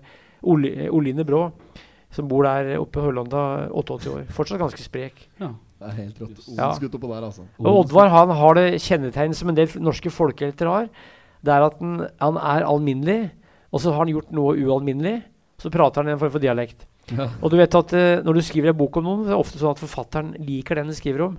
I utgangspunktet, for det, det er en grunn til å gidde å skrive bok, er at du liker den. Ja, ja. Men så finner du ut at det er en idiot, et rasshøl, for, fordi du blir kjent med personen. For de fleste er ofte det. Mm. Men han, Oddvar Brå er altså, mer ålreit enn jeg trodde. Han er en skikkelig kjernekar. Altså. Det er artig å finne ut, for da må du Hvis en skriver en bok om noe som ikke er noe sympatisk, er det ikke noe moro, men han er veldig hel ved, altså. ja, ja. Eh, Han har gått på ski inn i folkesjela. Gått seg på ski inn i folkesjela. Mm. Stor. Oddvar Brå. Men, Ja. da, men da er det sånn at da, da har du intervjua de sentrale personene Ja, ja. ja, ja, Prata med han hundre ganger, og så Ja. folk som er rundt den. Så det er en veldig enkel måte å gjøre det på, men det, det tar tid. altså. Ja, klart. klart. Den boka tok det en del måneder å skrive. Men det er veldig artig, syns jeg. Hvor, var, det doping da, eller? På den tida der? Masse doping. Det var bloddoping, og det var, uh, brukte, de brukte steroider for å tåle trening. Og sommeren brukte de testosteron, veksthormoner kanskje, men i hvert fall te testosteron og steroider. Eh, men, men det var ikke noe tester for det, så det var bloddoping var umulig å teste, og det var helt sikkert doping, ja. Kanskje mer enn i dag, tror jeg. Faktisk. Jeg tror ikke det er så mye doping i langrenn i dag. Håper jeg. Nei. Mye, det har vært, en hørte sa fra han der som drev med sykkel eh, Jeg husker faen det var noe jeg leste på Twitter, tror jeg. Så en som sa Det har vært, jævlig mye eh, sykli, sykling etter dopingmiljøet, altså. Ja, Syns det har vært jævlig mye sykling i dopingmiljøet. ja. ja. Men uh, ok, så da har jeg ikke- innrømt det. Har ikke innrømt doping. Oddvar Brå. Der. Jeg kjenner ingen norske skiløpere som har dopa seg, så jeg har ikke hørt om noe doping i Norge i det hele tatt. jeg. Så han konkurrerte mot folk som har dopa. Oddvar Brå. Han gikk jo mot mange dopa ute. Det vet vi jo. Det er jo senere avslørt. det. De har sagt det både i Finland og Russland og Italia. Og Altså, det er vi sikre på. Det er vi sikre kilder på. ja, de har sagt det sjøl, og noen har blitt religiøse etter karrieren som har sagt det etterpå. Så, så, det er flere eksempler på det. Altså, jeg var borte i Finland og samla stoff til en annen bok om femmila. For jeg skrev femmila sist, og da var jeg borte i Finland og prata. Var to ganger borti der. Tre ganger. Og da prata vi om det, så, så det er mange men, men det er ikke noe big deal borti der. Vet du. Det, det, det var helt greit. Helt vanlig, liksom. Nei, men også Du må ta de midla som Det er mange Det er mye bra i medisin, sa de borti der. ja. Fra medisinsk framgang. De brukte mye under krigen, og så brukte Finna jævlig mye noe som het pervitin. For vinterkrigen starta jo 30.11.1939. Og da var det jo Finland var jo alliert med, Russland, eh, med, med, med Tyskland. For de kriga mot Sovjet, vet du. Og da fikk de noe som het pervitin. Det var amfetamin fra Tyskland. Fikk 840 000 piller eller sånt, og brukte under vinterkrigen. Så de kunne gå ei uke uten å sove. Og da sa de at én pille kunne kvikke opp en mann, og to, to, mann kunne få liv en død, to piller kunne få liv en død mann. Og det brukte, de, det brukte Hitler òg. Det brukte uh, finna under krigen, og det brukte de på slutten av femmer Ja. som doping. Det, og det var ikke forbudt før i 1968. Nei. Det var lovlig. For det er en som heter Tom Simpson, han syklisten som døde i Tour de France. Mm. Han hadde jo tatt dette her, og da ble det forbudt med amfetamin i, i uh, idrett. Mm. 68. Det er såpass mye. Det er ikke før, nei. Nei, nei, nei, nei. Da kom det tester i OL 68. Seint, da. Da Da ødela, sånn. ødela idretten i 68. Når idretten døde i 68. Anabole steroider ble vel forbudt i 75, tror jeg. 75, ja. Ja, ikke så lenge siden det, syns jeg. Jeg husker at det ble forbudt, jeg. Jeg levde da, Ja, Og da, da, brukte de det Fram til da brukte de det uten at det var Leif Jensen, som tok gull i vektløfting i 72 år, han brukte jo det. I samråd med legen. Legen ga han jo det. Ja. Så det var helt Det var ikke forbudt, tror jeg. Nei. Sto ikke på lista. Sto ikke på lista. Yes, de, ja, ok. Så da var det helt vanlig? Da var det anerkjent? Da kunne du bare gønne på? Eh, Jeg vet ikke hvor anerkjent det var, men jeg har jo prata med folk som levde da, som, som ikke brukte det, men, men du kunne bruke det uten å bli tatt i doping. Fy Så. Da var det å være proff som var en stor synd, altså hvis du fikk penger under bordet. Oh, ja! Var det ikke lov til å være proff? Nei, det var forbudt. Så, men da kunne du få reisepenger. Vet du, hvis, du, hvis du kjørte bil, så kunne du få betalt for det. Så kunne det bli en del av betalinga uten at du gikk utover amatørstatus. hvordan fungerte dette her i praksis? Ja, hvis for eksempel jeg nå, nå har jeg tatt toget fra Oslo, men hvis jeg kjørte bil fra øh, Korsvoll hit, da, så, kosta det meg kanskje 300 kroner, så kunne jeg fått 3000. Hvis du skjønner? Altså få for mer enn det som det kosta. Ja, ja, ja. Så var det gjerne en så bro- det Og det var ulovlig? Det var, det var vel lov å få reisepenger, men det var egentlig ulovlig å få mer enn det du skulle ha. Men, men hvem er det som Men sjekka ulovlig, det? det var ulovlig å ehm, Åssen har de kontrollert det da, da? I forhold til trening Det var helt, og sånn? og- helt umulig å kontrollere. Ja, så det var bare å trene på og gjøre som du sjøl ville? Eh, Det var ingen som ble tatt for sånne ting. Det var, det var jo folk som De her var jo fattige folk. Altså det, var jo ikke, det var jo ikke snakk om å bli rik, det var snakk om å overleve. Ja, Så så det var tullet, tullete lov, egentlig? Ja visst var det de som ga loven, var jo millionærer. Ja. Men idrettsfolka var fattige. Sånn er det jo alltid. Typisk. Ja, ja. Typisk. ja. Planer framover, da? Nei, jeg tenkte, tenkte også, også skri, skri, skrive noen norske hoppbakker neste år og noe annet om ski. Og så, og så tenkte jeg faktisk å lage en bok om han Ture Sølver, han som bodde i en koie. Han er jo fra området her, men jeg vet ikke om jeg rekker det, men jeg har lyst til å gjøre det. For vi fant veldig fine bilder av han Ture Sølver. Mm. Eh, Arthur Sølver, som han het. Eh, som Arne Ringnes tok han i 79 eh, oppi der koia. Og så tok, uh, tok han bilde av han var innlagt på, på hjemmet. Det var vel i nærheten her, det. Eh, så han har lyst til å lage en bok om For han er en sånn type som fortjener en bok. Mm. Så det, det syns jeg er artig å lage. eh, Det blir eh, kanskje i 23 hvis jeg rekker det da. For det tar litt tid, altså. Ja. Ja, det, krever, det krever litt. Ja, og så må man intervjue folk og undersøke og sånn. Så. Men sånne folk er artig å undersøke, for det er mange som husker om dem. Og så er det fint at det står bøker etter sånne typer, og han er det òg en del bilder av. Jeg fant jo som sagt en del bilder. Jeg visste ikke hvem det var, så vi reiste rundt på Gjøvik og jeg dro fra hus til hus, eller det var flere som jeg kjente, og sendte det på nettet. Og fant det ikke ut, men så var det en som sendte det til han sjefen på museet på Toten her. Han fant dem ut med, visste det med en gang. For jeg hadde sett bildene, men jeg visste ikke hvem det var. Nei. Så det, det var i siste liten før boka kom. Jeg skulle sendes i trykken, så fant vi ut at det var Ture Sølver. Det var bra. Mm. Så du prospekterer litt, altså. Det er sånn du opererer? Ja, ja kanskje det, men, men du spurte, og da må jeg svare noe. Så. Nei, for at jeg har andre planer òg, men jeg kan ikke si alt jeg har planer om, for det, det, det, det går ikke an. Vet du. Nei, det, det kan jeg, ja, ja, ja. Ta det etterpå i bilen. Nei, men, nei, men, men, men, men eh, det er jo uendelig mye å skrive bøker om, og, og så, så lenge noen vil gi det ut, så er det greit å skrive. Ja. Er det, mest, er det beste boka di? Bestselgeren din? Eh, den Er det som er trykt i størst opplag, er femmila, og så er det dassboka. Men den boka som kommer i morgen, med han eh, midt på den, den skal komme ut på ty norsk, tysk og engelsk, og den vil komme i større opplag enn det, men, men det blir jo på tre språk. Så det blir eh, Det er han der klatreren som har sett, som er akkurat Han har jo nettopp lagt opp, har han ikke det? Han drar seg opp med én finger, han lillefinger. Er Han, nesten, krefter. nesten aldri løfta vekter. Han er bare naturlig sterk. Første gang han var i et styrkerom, så tok han Da veide han under 50 kg, tok han 80 kg i benkpress. Mm. Han har nesten aldri løfta vekter. Også. Han trener lite styrke. Og han er veldig sånn naturlig Veldig atletisk naturlig, egentlig. Mm. Noen er jo det. Ja, ja. Han er helt eh, vilt å se, faktisk. Så, eh, han som var på 'Mesternes mester'. Så, har du sett det? Nei, ja. Han er helt uh, ellevill. Henger jo der opp ned i bare en arm og greier. Det er helt sinnssykt å se på, faktisk. 33 år.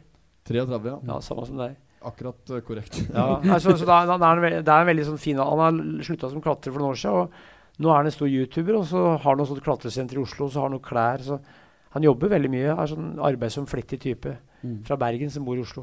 Det er den boka som kommer i morgen. var det I morgen. Jeg, jeg får se den i morgen. Ja, så, den, Jeg- så den gis ut nå i god rute før, eh, før eh, Eh, jul? Det, der? det skulle vært gitt ut 11.11, men pga. viruset så er det sånn forsinkelse fra trykkeriet. Mm. Ja, det har vært som virus nå. Ja, jeg har virus, ja.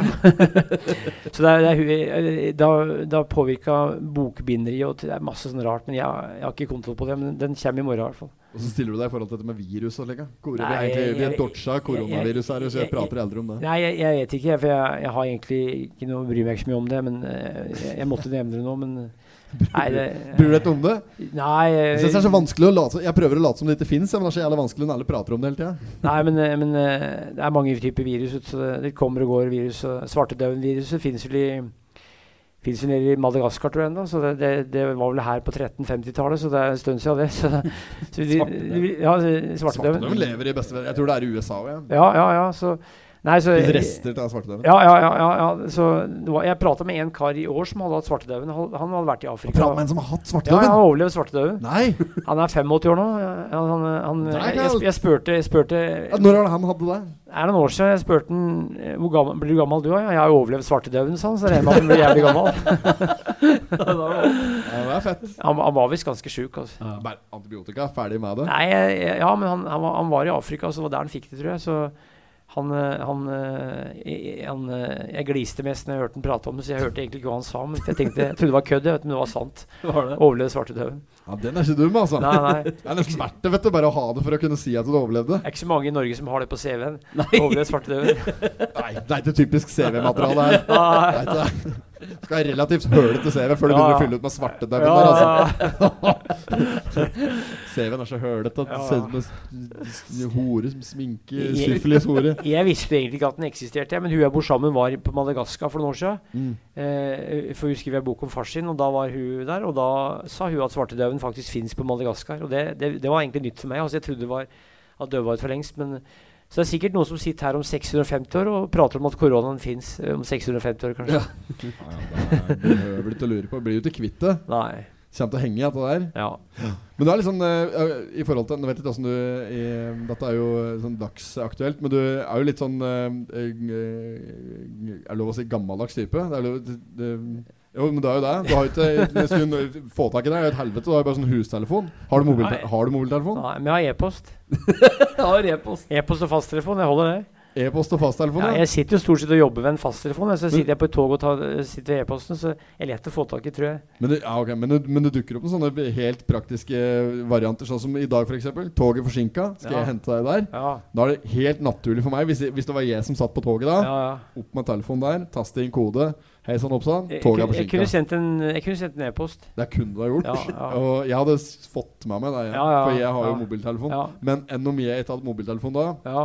og var på farten, så hadde ikke det vært en dritt. Nei, nei, nei. Nei, så nei. Men jeg tenker at uh, det går bra uansett, tenker jeg. ja, det, går, Ja. altså, det går bra. Verden går ut under hvis ikke jeg får hente hun- så lenge hun jeg bor sammen med godtar det, så, så har jeg For at jeg, jeg er For- avhengig, det er av det som, a- a- avhengig av det som kalles lange tanker.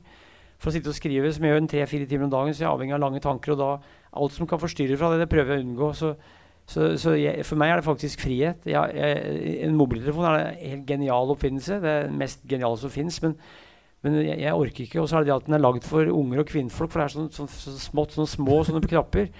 Og jeg hata håndarbeid på barneskolen. Det verste jeg visste. Og så, og så det som å sitte som et ekorn. Altså, jeg orker ikke å være et ekorn. Jeg er voksen kar. Jeg. Så jeg orker ikke dette her. Så, så jeg, jeg styrer unna. Altså. Men jeg, jeg- var i Australia i 2011, for da, da var jeg på tur. Og da sa Benikta, som jeg bor sammen med, at nå må du ha med en mobil. Så lånte jeg mobilen til guttungen i huset. Og Den lånte jeg var tre uker i Australia, eller en måned i Australia, og det var helt ødelagt. For at uh, jeg var like før ski-VM, så jeg måtte svare på hjernen i telefonen. Så jeg satt om natta og, og, og prata ned i dass på herberget der jeg bodde. Men- så, men, men, jeg har ikke noe imot det, altså, men, men jeg, jeg orker ikke. rett og slett, For når du skriver en treffer i bøker, har en seks-sju foredrag i uka og intervjuer så mye folk, så er det greit å så eliminere distraksjoner. Ja, ja, det, det. Det er noe med det, altså. Ja, ja. Så- så Men det- det, det, mobiltelefonen er liksom på en måte siste som ryker eh, herifra, i hvert fall egentlig. For det jeg er sånn som er urolig utvendig og rolig innvendig. Ja. Jeg er altså motsatt av det folk tror. Jeg er rolig innvendig og urolig utvendig, og da, da er det helt greit, hvis du skjønner. Ja, ja. Skyve, skyve unna det som ikke betyr noe. Så det- Ja, ja, ja. Stupe inni. Ja. Ja, men det er et par andre eksempler òg. En- ja, det er den første jeg prater med, i hvert fall i år, som fortsatt sier neger. Nå, Ja, jeg, nå har jeg sagt neger, og to, tre ganger Ja. har jeg sagt nå jeg, på jeg, jeg, jeg kjenner jo Jeg kjenner jo i hvert fall fem-seks stykker som gjør det. Ja, det gjør det. Som, som jeg vet om, ja. Ja. Som aktivt bruker det. Men jeg, Ja. jeg har ikke sånn Men, men det, hensikten er god. Du mener ikke noe vondt med når du sier det, og da mener jeg da må det være lov. Ja, altså, jeg, jeg, jeg, jeg, jeg har jo skrevet bøker om tatere. Og tatere har jo registrert ca. 100 forskjellige navn på. 100 forskjellige navn. Ja. Eh, og, og, og det er de siste 500 åra. Og det forandrer seg hele tida hva man skal kalle tatera. Mm. Jeg skrev boka 'Taterne', som kom i 2000. og Da var det mange som syntes det var gærent. Det skulle hete 'Romanifolk', eller 'Reisende', eller 'Romfolk'. Ja.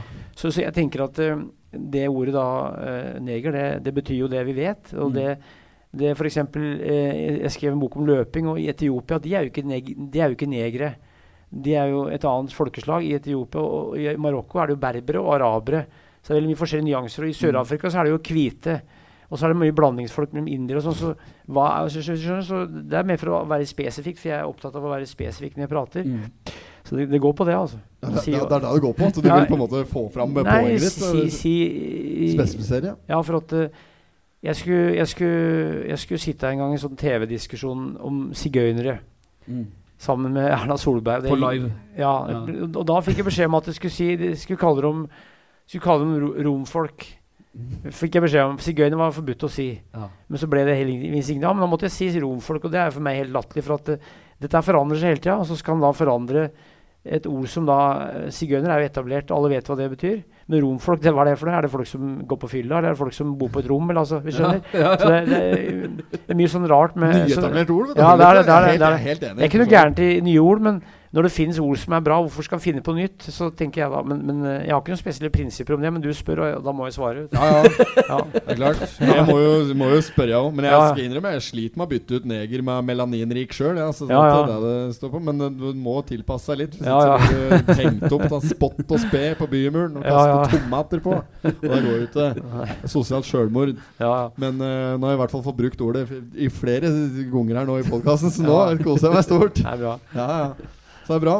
Nei, men uh, meget bra. Nå har vi sett og kauke i uh, lenge er det, Espen? Uh, time Ja, er pluss. Vi pleier å spille inn podkast på omtrent en time. Uh, vet ikke om det, når toget ditt uh, fær hjemover? 21.31. Oi, dæven steike, da. Vi har jævla god tid, da. Ja, Men eh, de må bare sl- slå det klaus og prate om det de vil i salen her, og holde det gående, altså. For at uh, om det blir litt sånn bakgrunnsstøy, så bryr ikke vi oss noe om det. Vi kan jo bare holde det gående, vi, så lenge du eh, føler for det. Nei, du bestemmer. Jeg er her, det, så Jeg tar deg rett! Sitt her, du. Tog, toget ditt går ikke før med en time Nei, der, eller? nei, nei, nei. Nei, nei, men jeg bare mener at det, to timer er eh, ofte lenge for folk å sitte og holde kjeften sin. Så folk må få lov til å på en måte bare sette i gang samtalen, kose seg. Men vi kan holde det gående litt til, vi. Det er ikke det det skal stå på. Vi har Ja. flere bøker å prate om, vi, har vi ikke det? Jo, du bare spør, så skal jeg svare. Så, Det er grådig enkelt. Sånn intervjusituasjon. Ja. Ja. ja. Nå skal jeg merke at du skal ha Totenblad å lene meg på. Det er det jeg er vant Nei. med. Nei, men vi kan jo Jeg ble mer nysgjerrig om denne helt nyeste boka di nå. Magnus Midtbø? Ja. Ja. Der vil jeg høre litt mer. ja. Opprinnelse og Det, altså, jeg, jeg satt og skrev Det var tirsdag Onsdag 25. mai satt jeg og skrev, og så ringte det en telefon. Og det var en som lurte på om jeg kunne være med i en podkast om Australia. Det kan jeg være, altså, jeg har vært ti ganger i Australia. Også det, dette er et sånn eventbyrå, lite sånn eventselskap som må gi ut noen bøker. Blant annet noen sånn quizbøker med Bøkmann Tørnquist, han der som er på TV-en, og som har podkast om reising. Så sa, jeg, eh, at de, sa de at de skulle lage en bok med han Magnus Midtbø, men de hadde ikke funnet noen forfatter. Og spurte ikke meg om det. Så sa jeg det kan jeg gjøre. Altså, hvis jeg liker han og han liker meg, så møtte vi dagen etterpå. Møttes dagen etterpå. Så det var avtalt. Så det er en bok som skrives i jeg-form, hvor Mm. han forteller og jeg skriver. Okay. Hvis du skjønner? Så det er, Ja, ja. øh, så det er En sånn jeg-form. biografi, nesten. Sjølbiografi. Sjøl- ja. Hvor, hvor, hvor han avslører alt. Altså, hvis du skjønner, altså, det, er, det er en sjølbiografi.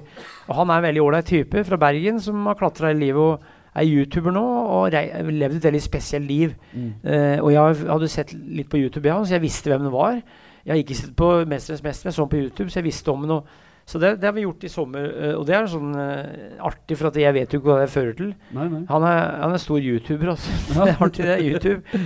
Så, så, så de har bestilt, uh, fått bestilt opp. Uh, ja, så Det var, det var helt uplanlagt. Det bare ble sånn. Det bare ble sånn, ja. Hadde ikke jeg svart telefonen den dagen, så hadde det ikke blitt noe av. Nei, Du har sikkert merket flere sånne opplevelser. At du, har du noen gang angret på at du har begynt med en bok? Jeg har gjort det, jeg har gjort det et par ganger, ja. Ja. Eh, jeg, I fjor så måtte jeg ja, kansellere ei bok, og det var veldig bra, for at jeg sa ja pga. penga, og det er ikke bra, vet du. Nei, nei, nei. Det skulle være dritbra betalt for ganske lite, men kjedelig arbeid. Ja. Og så måtte jeg, måtte, jeg, jeg kunne ikke gjøre det, for at uh, jeg fikk ikke tid, var det ene, og så var det noe med at arkivet var stengt. Så det var noe med en blanding av mest til at jeg ikke fikk tid, altså. Ja. Men, men da, da For da hadde mister du all researchen din som er jeg hadde sagt ja pga. penger, og det er ikke bra. For at uh, penger skal ikke være en drivkraft uh, når du skriver bøker. Det, men jeg er feil, altså, i hvert fall for meg. ja, ja. Så, Det har alltid vært sånn, ja. ja, jeg vil si det, for at eh, det er ikke noe sikkert uh, yrke. Det er veldig opp og ned inntekt. Det, mm. så, så det er jo helt uh, umulig å vite hvor mye en tjener. ja, Men ja. er det du lever av? Det er jo ikke Ja. forfatter? Av Nei, altså Femmila den var jo en bestselger i 2013. Da fikk jeg 800 000 i restskatt. ja. Den er kjei. Det var ganske mye, det. Å, fy, ja. I restskatt. Slit med den. Er derfor du skriver fortsatt. Da fikk jeg mer restskatt enn jeg hadde inntekt eh, året før. Mye mer enn ja, eller- eller- Nei, så det, men, nei, så, men, men, nei, så, men eh, jeg klager ikke. Jeg har det bra, jeg. Så. ja, ja, ja. 800 000, eller? 800. Nei, det, det var på grunn av at, på grunn av at jeg ikke hadde betalt forskuddsskatt, for det gjør jeg nå. vet du. Ja, ja. Så det var, var bare et, et, et spesielt år. altså Bare helt spesielt. Jeg lærte jo av det året. ja, klart det. Lærer, så. Lenge lever, er det det de sier? Sånn er skatteforholdene dine, Høveren. Er du, Nei, det er jo oppå fikk ja. du smell nå. Nei, jeg Fikk ikke. Må betale forskuddsskatt, forskuddsskatt det òg, men eh, Altså, du ja. kalkulerer nøye. Ja, jeg- jeg fikk bakmeld 22 22 000. Skyldte du? Passe. Jeg var skyldig. Mm. Slik det er, det. Ja. Livet, det. Ja. Men du sliter med Du er ferdig med den regninga på 800 der?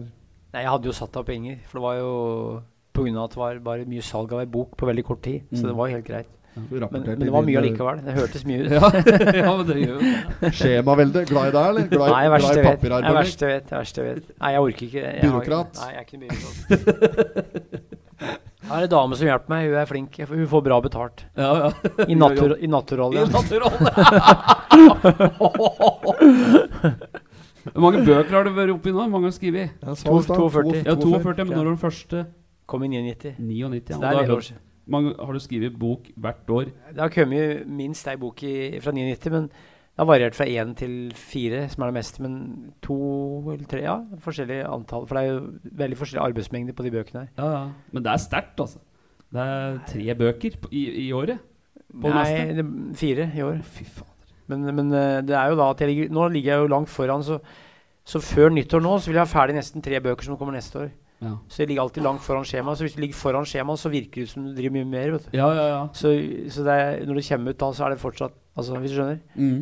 Men det er sånn at når du er ferdig med en bok, så bare omstiller du deg, og så begynner du med en ny en Jeg gjør det. Jeg gjør det ja. Du gir deg ikke, egentlig. da Nei, nei, nei. Har du, du- du har flere prosjekter gående samtidig òg, sikkert? da? Nei, jeg, jeg skriver bare ei bok samtidig. Så men hvis du tenker at hvis du har fire damer i løpet av et år Ja. Så hvis du har dem tre måneder hver, så er det mye lettere enn hvis du har fire samtidig. Så det er, det er, hvis du pusher det utover, så blir det mye, mye lettere å forholde seg til det. Dette er konsept som Høveren kjenner godt her. Ja. Jo, men Det er er seriøst. Så du trenger ikke å gjøre så mye hver dag hvis du gjør litt hver dag. Nei, nei, det er sant. Hvis du tenker hvor mange dager det er i året, så er det veldig mange dager i året. Og Men Hvis jeg hadde skrudd deg ned her, så hadde du fått gjort mye mer, jeg òg. Det er noe med det. kan godt hende. Jeg tror ikke det. Kan godt hende. Ja, jo. Men fasttelefon kimer. Ja, den ringer jo sikkert mindre enn en mobil jeg hadde gjort. Det Jeg, får, overrasker hvor fort du svarer. Sist jeg svarer alltid på første ring. Hørt! første ring. der. Første ring, ja. Ja, for at jeg sitter rett ved en fasttelefon og ringer. Oh, ja. Så det er ingen som tror til i dag at for det første at noen har fasttelefon. Så, så, det er ingen som tror at noen svarer hvis du ringer en fasttelefon. Og så er det i hvert fall ingen som tror at du svarer på første ring. Nei. Så, det, så folk får sjokk, vet du. Ja, ja. er Overraskelsesmomentet Ja, er ja. enormt. Første ring, første ring. Første ring, Ja, ja. ja. Ja, er sterk, den. Og så spør de har du tid til å prate, så sier jeg ta bare telefonen hvis jeg har tid til å prate. sier jeg. gidder ikke å ta telefonen hvis jeg ikke har tid til å prate. Men, så, men du, første gangen jeg ringte deg, så tok du telefonen. Da, da, men da sendte jeg mail. Da ringte du opp igjen med en gang. Ja, jeg gjorde det. Ja, Da tok jeg en på ett ring der. Svareren er ødelagt, så jeg får ikke lagt igjen beskjed på svareren. Har sånn telefon for gamle som er så diger. Ja. Så det er sånn gammel og døve og stumme som har sånn spesiell telefon, så den har jo jævlig høy lyd, og så er den skikkelig diger. Er? Og så i kjelleren har vi en telefon fra 69. Ni- Med sånne sveive, sveivetelefoner i ja, kjelleren. ja, ja. Så den virker, den òg. ja. Gjør det? Ja, ja. Var det det du tar deg til når det drikker? Og da? sånn Nei. snurreskive på. ja snurreskive. Ja. Ja, ja. Så hadde vi sånn fest for ungdom, men de visste ikke hvordan de skulle bruke den. Nei. nei, nei. Ja, men der, er, men det er jeg vokst opp med faktisk òg. Slike, Ja. slik snurretelefoner. Ja, ja, ja. Hustelefoner. Hustelefoner ja. Så kom det slike du hang på veggen etter hvert der. Sånne veggtelefoner. Men det var, vi, det, altså, før vi gikk inn for trådløs telefon her, så tror jeg vi hadde én sånn eh, veggtelefon omtrent hvert rom i hele huset. da Ja. 611 64232. 6166334 igjen. I 94 så bodde jeg i California. Jeg bodde i Santa Cruz. Uh, satt og jobba der, jeg skulle skrive ei bok, og så ble aldri noe av det. ble bare tull, men jeg bodde i Santa Cruz. Og da traff jeg noen karer som jobba i, i Apple. Så jeg bodde i, eller var i Palo Alto i en måned, bodde i et hus sammen med sånne Apple-nerder fra hele verden. Fra Nederland og Canada og Sin Kina. Sånne, sånne Sånn Silicon Valley. Ja, som jobba døgnet rundt og åt pizza og, og hadde det moro. Eh, Tolv gutter i et hus. Der bodde jeg, og da var det en av de kara som da husker jeg, det var i 94, han gikk på gata og prata med Europa i en mobiltelefon, og det var helt spesielt. At han gikk i 94 og prata med Tyskland, det, var helt, det hadde jeg aldri sett før. Nei. Så da så jeg mobiltelefon på det nivået der i 94. Mm. Og far min var lege i Brumunddal, han hadde mobiltelefon på 70-tallet. Hadde en så stor bruskasse som hadde en sånn eh, antenne på taket, så han kjørte rundt da med en bruskasse i bilen, størrelse, og så en antenne. Og det hadde han på 70-tallet. Så det var en god del mobiltelefoner på 70-tallet, men da, da var de veldig store, vet du. Ja, ja, ja. Så jeg vokste opp med mobiltelefon i huset jeg, på 70-tallet. Eller at den hadde det liggende der. Eh, så, så, men det var helt annet enn det som er i dag. Ja, ja, ja. Nå er det jo sånn Måtte innom eh, Marie på sentral der. Ja. Ja, ja, ja. ja, på sentral, gi Ja. meg Tynset. der. Du har jo sett det i snora. ja, ja, Klassisk tilfelle, det. ja. Men uh, Glemte jeg skulle si. Var det meg? Den var det, Så, ja. ikke, så kommer det servert med at glasset tar fils, og så kommer det likevel. Det er deilig. Ja. Og Service. Ja, bra. Det er sånn det skal være. ja, ja. Det er fordelen med å drive egen bar, vet du. Kan drikke opp varene, ja. Du bare renn, bare renn på og drikk opp alt overskuddet, i hvert fall. Skrive av på skatten. Ja, det er eh, trikset, da. Ja. Så koser vi oss. ja. Og vanligvis når vi har hatt sånne live uh, hatt noen sånne live-opptredener før, så uh, hvis jeg har vært nervøs i forkant, så har jeg bare eh, drukket og ikke var nervøs lenger. Men da er jeg full. Altså, er jeg Ja, ja. Det hjelper det? Nei, det hjelper ingenting. Det blir mye klipp, klipping her på meg etterpå. ja, ja. Så han sitter og klipper da, vet du. Klippe bort snøvlinga. Ja, det er snøvling blir det òg litt av. Ja. Så oppfører jeg meg over hodet ikke pent. Nei. Så skjeller du tøveren og gir den kjeft for at Nei, så ille er det ikke. Nei. klipping. Så har vi oppgitt mye dødsannonser og lek. Har du gått, gått gjennom det òg? Ja, ja, vi, og det er vanligvis gjør vi til det. Nei, nei, Så nei. jeg har fått meg et par pils, da går vi Ja, ja. døds- Da har du dødsannonser. Jeg er på tur til å blæ over da han, han, han allerede begynt å lese. Ja, ja. Og fullt navn og greier. Ja. Livsfarlig. Ingen fare. Går ikke det med, vi plukker det med oss. Ja. Ellers er det bra navn på den podkasten, syns jeg. For det er veldig bra navn. Potetpodden. Jeg syns ja. det, for det kan bety flere ting. Ja. Å ja. Eh, Jo, men det? altså, det er jo poteten kan gjøre, bruke til alt. Ja, ja, det er så et Ja. godt poeng. Ja. Poteter er jo noe som jeg dyrker mye her. ja. Oppi det Er glad i poteter, eller? Ja, jeg, jeg har jo plukka poteter i jævlig mange år. Jeg plukka poteter fra jeg var ti år. Ja. Oppe i Brumunddal. Det siste jeg plukka, var faktisk i 97. Da var jeg 32 år. Sist jeg plukka poteter. Sist du plukker poteter? Da sto jeg på en maskin. Ja. Jeg begynte med på bakken, og så plukka jeg på maskin i siste på Næs hos en som het Lars Hullberg. Så da Jeg arva på en gard som het Gjestvang på Nes i mange år. Og der plukka jeg poteter, og da så vi over til Kapp. For du kunne se over til Kapp fra, fra garden der. Jeg sto i siloen i 25 år. Og så var det en kar som het Oddvar, som var gardskar der. Kjerringa var død, så han drev og kikka på noen nakne damer som satt i lå og solte seg på, på Totensida her. Så det var veldig artig. Han, eh, han var veldig type. Han, han eh, Oddvar, han eh, Han, eh, han eh, hadde, hadde, hadde arva på gårder, og så han slutta med ku. Mange steder. og så han endte opp på Nes, og sa han det at de har igjen kua på hver gard jeg har vært men nei, har de ikke klart det ennå, nei, gitt, sa han. Så han, han overlevde alle, alle disse karene. Han, eh, han var den gamle skolen. Han hadde aldri kjørt bil, aldri kjørt motorsykkel, aldri kjørt moped. Eh, og så spurte jeg har du kjørt traktor. da? Nei, men jeg har 70-tid, sa han. han var gamle skolen. Og dø, døva da på 90-tallet. Veldig artig type. Han var, eh, var eh, sveiser altså på, på den gården eh, hvor jeg sto i silokummen. Eh, så han kom, han, han sa alt to ganger, for han så så lite folk. Så sa han mye rart på gården her før i tida. Mye rart på gården her før i tida. Sa alt to ganger. Ja. For, for da han først så folk, så måtte han prate ekstra mye. Så satt han, husker jeg, og så på Vi plukka stein der en dag. Så satt han og så på oss en hel dag.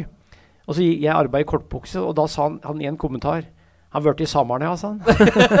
det var det eneste han sa. det Det, ja, det, det, sa han to ganger. så det, da, da arbeidet jeg på en gard hvor utsikten var mot Kapp. For da hørte vi faktisk eh, Vi hørte faktisk musikken av Vazelina sånn så hørte vi musikken for vi arbeidet sent sene kvelder. Ja. Hørte musikken fra, fra Mjølkefabrikken. Det var jævlig, jævlig spesielt å høre. På låven der med i siloen så hørte jeg Vazelina som sang. Hørte du over mye også? På over 90-tallet. Og på 90-tallet. Og litt senere òg. Det er rått. Ja. Så det er rått at du fortsatt sier sveiser òg. Ja, jeg, jobber som sveiser. sveiser. seg sveiser, òg. Sveis. Sveiser. Er det dagens ord på det her for noe? Sånn det, uh, Jeg er usikker, men det, ja. grunnen til at det heter sveiser, er at det kom en god del sveitsere til Norge på andre halvdel av eh, Norges første meieri var på 1850-tallet. altså, det Ja, det er Øversedalen Øversedalen. da, da kom det del sveitsere som skulle lære eh, også drive meieribruk. Der er navnet sveiser. Sveitservilla er jo da en byggeskikk fra nedi der. Ja, ja. eh, på Gala. Og så sveisere var da folk som kom her for å være ekspert. Og da gikk det eh, inn i språket som en sånn uttrykk eh, Det var rett og slett en kar som var fra Sveits, altså noen få, og så spredde det seg utover. Så er ikke så mange som vet det. Nei.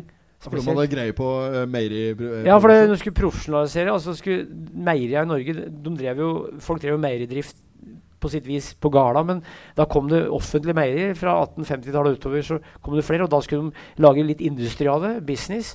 Og da hadde de drevet med det lenge i Sveits, så de kunne lære opp nordmenn dette her. Og kom nede fra Sveits. Det var ikke så mange, tror jeg, men det var noen eksperter. Og dette pågikk da på andre halvdel av 1800-tallet, og da festa det navnet i seg i språket. Og så Da jeg vokste opp, så var det sveiser de sa i Brumunddal. Mm. Tror ikke det er så mange som sier noe om det. Det, det, det, det fins fortsatt, det Ja. ordet. Det, det er ikke mange som sier det nå. Nei, nei, Det jeg deg. Nei, Så vi uh, satt opp uh, Nevnte så vidt for deg i bil i stad. Vi drev satt satte opp um, uh, Freske fraspark nå. Ja, Som ja. et teaterstykke som skal Artig. spilles på Skreia og på Gjøvik i neste år. På et eller annet tidspunkt Første kvartal neste år. Ja. Og da er, er det jo en eller annen sveiser i et der stykke. Sant? Mm. En, eh, faen, jeg klarte å komme på Er det hette for noen som driver liksom, jobber i fjøs? Det må være et eget ord for det. Fjøs... eh, Avløser, ja. avløser, heter det. Mm. Ja. Og det er det en som eh, En karakter ikke sant, i manus. Ja, ja. Det er jo gamle manus etter Ja, ja. Kjell Aukrust. Ja. Og der er det eh, sveiseren. Og jeg har sett den filmen 100 ganger, så jeg kjenner jo til det. Men de, som, men de andre Jeg registrert at flere andre sier sveiseren. Som Ja, ja. tror det er en som driver og sveiser. Ja, ja, ja. Det er ikke det det handler om. Nei, for han Oddvar han er født på 20-tallet, og han begynte å arbeide da som sveiser på Han begynte som fjøsgutt. Det var en fjøsmester, og så var han fjøsgutt. Det var fire-fem i fjøset, så han var én fjøsmester. Og så var han tre-fire fjøsgutter, og så bodde han i drengstua. Så han drev da eh, i fjøs noen år, før han ble eh, Lenge drev han to, eller i begynnelsen var det fire-fem i stort fjøs ute i Stange, eller rundt Hamar, Ottestad. Og så ble han da etter hvert sjefen i fjøset, men da var det færre, færre um, ja, så han, han sa mye rart. Han, han, han, eh, var på en gard, og så, og så, så, så sjøldøva han en ku. Og så åt de kua. Og så sjøldøva han en gris, og så åt de grisen. Og så døva bonden, men som Oddvar sa, da strøk jeg, sa han. det skulle gjette han òg. Men, han var- men han var, han var en type også, Det som var, var at jeg, jeg hadde tenkt egentlig å intervjue og lage en bok om ham. For at eh, han var så spesiell at eh, det gikk an å intervjue og få mye historie, men så, men så døde han plutselig. Oh, ja. Så han var borte Han slutta arbeid, og så var han borte veldig tidlig etterpå. Så da fikk jeg aldri prate med dessverre. Veldig artig, artig type. Altså, Oddvar Granlin het han. Mm. Bodde ute på, bodde ut på Næs. Og var av den gamle skolen, altså. Mm. Som, som, som gikk rundt i arbeidsbuks og røkte rullings og hadde skjorter og ja. Ja, ja. Sånn, du ser nesten ingen sånne folk lenger, altså. Nei, Du må helt over gangen inn på Lena Grill for å komme over. Ja, ja. Nei, men han, ar han arbeid, han var jo sveiser, altså. Han, Ja. kall, han kalte seg for sveiser. For det er få som kaller seg sveiser i dag, tror jeg. Han kalte seg sveiser. Det kom fra et par andre gode uttrykk der. Fjøsmester. Han var Det fjøs, er ja, jo et- fjø- fjøsmester, og Det var Fjøsmester, det er sjef, status. sjefen i fjøset var fjøsmester. Og Men det var Du er liksom- du er ikke bonden, du er ikke sjefsbonden, liksom. Du Nei. er bare overordnet i fjøset. Ja, ja, ja. Sjefen over sveiseren, liksom. Så han organiserte disse fjøsgutta, Ja. som var en tre-fire stykker. Jeg tror meste han hadde arbeidet fjøs, var fem stykker, sa han. Mm. Det er ganske spesielt. Det var, det var jo håndmjølking. Dette var før krigen, så måtte mjølkemaskinen kom litt etter krigen, stort sett. I hvert fall der hvor han drev, sa han. F- Fjøsmester. Ja, det er bra. var du, du sa Drengestua? Nei. Drenge- Ja, han kalte det drengestua. Han bodde i drengestua og sånn. Der, der bodde det en del eh, drenger, altså drenger da, og der bodde det seks-sju ungdommer. Og, så ja. Men det frakke styrke som jeg vet om, er jo noe som heter kabelstrekksanger. Det ligger på YouTube. Har du hørt om det? ja, ja, ja. Har du sett det? Ja, jeg har sett Det kabelstrekksanger, det er bra, det er bra var, var det i. Oslo? Oslo, ja. ja. ja. Og dro, flere runder som sto og dro. Ja, Kabel, kabelstrekksanger. Nei, ja, Det var det var egne, det var, egne folk som sto og sang for Ja, som- trakk kabler. sang, var det? Hal i og dra. Kom Ja. igjen, gutter. Hal i og dra. Og så står de og drar kabel. Det er et par Ja, ja. Ja, ja, altså, Det er den, er det ja, ja, det er den. Ja, ja, ja. Ja. kjør det de Åh, åh, det rusler av gårde. Var det ikke det? Jo, jo, jo. Er det kødd? Har du ikke sett dette? Nei, det har jeg ikke sett. Jeg, går, hver gang jeg skal inn på YouTube, så ser jeg på sånne svenske fiskevideoer. Ja, det er det du gjør. Det må du søke opp. Kabelstrekkersangen. Kabelstrekkersangen. Ja, ja. Ja, magisk. Og um, Grunn, grunnen til at de har tatt opp, er at det var siste gang det skjedde. Det var det? ja. Derfor så filma de det. Det var vel i Norge Rundt, tror jeg. Så det, derfor ligger det på, på, på, på TV-en. Ja. Eller på, på YouTube. YouTube, ja. men, eh, pra- eh, men jeg har hørt, eh, eller leser kanskje, om at du har skrevet om eh, Ja, eller skriver om eh, eh, de som drev med sånn dasstømming òg, apropos yrker og den slags. Eh, Jeg har skrevet. Jo, der, der. det. eh, altså, I boka om Tatra så står det om de såkalte nattmennene. Det var folk som arba om natta. Nattmenn. Arba om natta. Det, gjorde- det gjorde jo Bjarne Madsen var dasstømmer, men han var ikke nattmann. Nattmennene jobba om natta, for det, det var sånn i byen at eh, det var en sosialt og hygienisk uren jobb. Så var det nattmann, så var det utafor alt annet. Dritt, drittjobb. Drittjobb. Jeg bodde i nattmannshuset, og kjerringa var fru nattmann, og unga var nattmannsunger. Og hvis du kom i berøring med noen, så måtte folk vaske seg. Oh. Det er seriøst. Hvis du hadde fått, tatt dem, så måtte de vaske seg. Uh, og i Oslo så var det en nattmann som bodde ved Bislett, overfor Bislett. Og da kunne folk bli dømt til å bli nattmenn. Hvis f.eks. var tater og kunne ha valget om å sitte på tukthus eller bli dømt som nattmann, så var det faktisk flere som ville sitte inne i stedet for å være nattmenn. Yes. Så det var verre å være nattmann enn å sitte inne, syns en god del. Så, så det var et yrke som eksisterte fra slutten av 1600-tallet kanskje, og fram mot 1800-tallet. Det står det mye i særlig i taterboka, men òg i den natt, dassboka. Nattmenn. Så det er Nattmenn. ordentlig grisejobb. grisete jobb. Da, som vil, ja, folk ville ikke ha noe med nattmenn Nei, for de, en ting er at de tømte dasset, men de tok òg rydda skrotter, for det lå mye døde katter og bikkjer og hester i gata. De tok kadaver og, og sånne dyreskrotter. Det var mye rotter som hadde, Det var jævlig mye møkk ute Det i Norge. åpen kloakk før. i Ja, det sånn var det. Så det, det lukta så, så, så hvis vi hadde dukka ned til samfunnet, så ville det sikkert eh, vært mye, mye sånn dukt. og Det var mye sånn koleraepidemier i Oslo eller Kristiania, og det skyldes jo bl.a. at det var sannsynligvis en del møkk fra dyr som blanda seg i drikkevannet. Mm. Det var mye, det var mye forurensning. vet du, Så om det ikke var noe forurensning fra moderne ting som i dag, så var det mye sånn møkk og sånn uhygiene blant folk som særlig bodde da i urbane strøk. For det var jo jævlig tett. vet du, For eksempel, jeg var på Fettsund. Det er ikke, det er ikke by, altså, jeg har holdt et foredrag der i høst. Der var det et hus hvor det bodde 55 personer i 1875 i ett hus. 55 personer i ett hus. 55 personer. I dag så bor det kanskje ville bodd tre der, eller fire. Mm. Så det bodde gjerne 10-12 på rommet og sånn. Og det er klart, hvis du aldri vasker deg der, så blir det mye smitte. Og sånn var det med Nattmann. At han, for det var alltid en kar. Han gikk og samla de her eh, møkka, og så samla han eh, kadaver og søppel, egentlig. Altså det som de definerte som søppel da. Mm. For det var jo litt andre typer søppel da enn det er i dag. Det var ikke noe sånn industriell søppel. Det var mer sånn Kan du ikke et hatt familie og sånn, så som å jobbe som nattmann? De hadde det. De hadde unger og kjerring. Og, og da var kjerringa fru Nattmann, eller nattmannskone. Ja, for da, da blir du fru nattmann. Ja, fru Nattmann, ja, ja. unge sønn Ja. av nattmann. Komma der. Ofte så overtok de jobben til far sin. Så det det var, ble, ja. kunne gå i yrke, yrket kunne gå i arv hvis de ville. Ja, for det var drittunger. Det Men var, mange var tatere, og mange, mange, mange hadde da eh, reist i perioder. Og, og som jeg sa, så var det noen som da fikk valget om å sitte på tukthuset. For det kom tukthus fra 1735 til 1742, så var det fem tukthus i Norge. Og da fikk de ofte valget mellom å sitte der. Men så, så var de kanskje nattmann et år eller to, så dro de ut på landeveien og reiste. Hvis de var nattmann et år eller to, så strøk de ut på landeveien, og så kom de kanskje tilbake senere. Mm.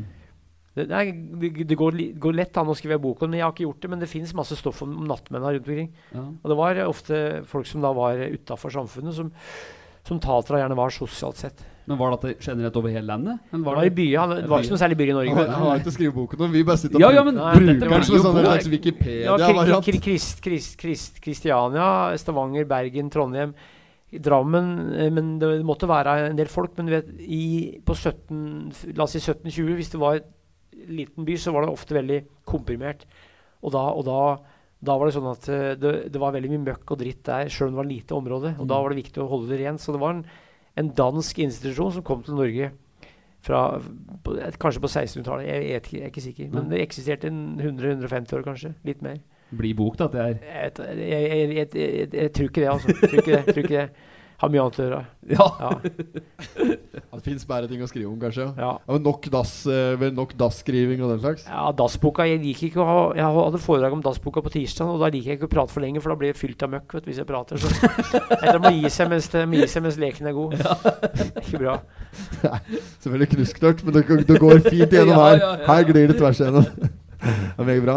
Og, men, ja, men det blir øh, Ja, ok. Så, men det var bestselger, den boka? Den øh, der uh, Det er mange som har fått den i julegave. Eller Ja, det er en fin typisk sånn julegavebok. Ga, gavebok. Fin gavebok. Ja, jævla fin gavebok. Som ser ut som en sånn eh, Ja, det er sånn så stive permer og sånn. Fin, fin, julegavebok. Ja, er er for, er og den er til salgs fortsatt i Ja, ja, den finnes, over Den hele landet. Den fins. Den Ja, så da vet vi hva det blir. øh, Da blir det julegaver derfra. Noter i boka. Ja. Norske utedoer.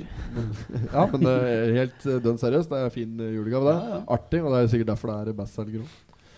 Meget bra. Jeg likte uh, taterpraten. at språkrein. Ble fryktelig fascinert over det. At de har eget språk. Og eh, Kan du noen fraser? Har du noe eh, å gå Altså, på? der? jeg er ingen ekspert på taterspråket, men det var en som het Knut Kristiansen, som døde i 99. Han var ekspert på det, og det er flere som er ekspert på det i dag. Og det er jo romani, eller romani som det uttales. Det er da et språk som har slektskap med sigøynerspråk i Finland. For det, de norske taterne er sannsynligvis eh, sigøynere som kom da over Finland. Kom i flere bølger ut fra India. Kom til Kreta i 1338, Danmark, Norge på begynnelsen av 1500-tallet. Over, over Østersjøen, gjennom Finnskogen. Det som heter Finnskogen i dag, for det heter ikke Finnskogen da. Og det er i slekt med det finske sigøynerspråket, så det er sannsynligvis slik at norske tatere er ga, fra gammelt av i slekt med finske sigøynere, som kom gjennom Russland sannsynligvis. Fra, fra India. Det er ingen som vet, men sannsynligvis. Jeg, jeg vet ikke sikkert, men, men det, er, det er flere som kan ta Jeg kan ikke talspråket, og jeg er ikke noen ekspert på det, men det finnes ordlister om det som er gitt ut de siste åra. Du går an å lære seg det? Det gjør det sikkert han. Og det, det Det er jævla nyttig sånn i hverdagen. jeg vet om folk som kan det, men, men jeg er ikke en ekspert på det, for jeg har jo skrevet om det, bare jeg har ikke lært meg språket. Høveren er eh, ganske stødig på fransk. Nei, det er ikke. Det er ikke.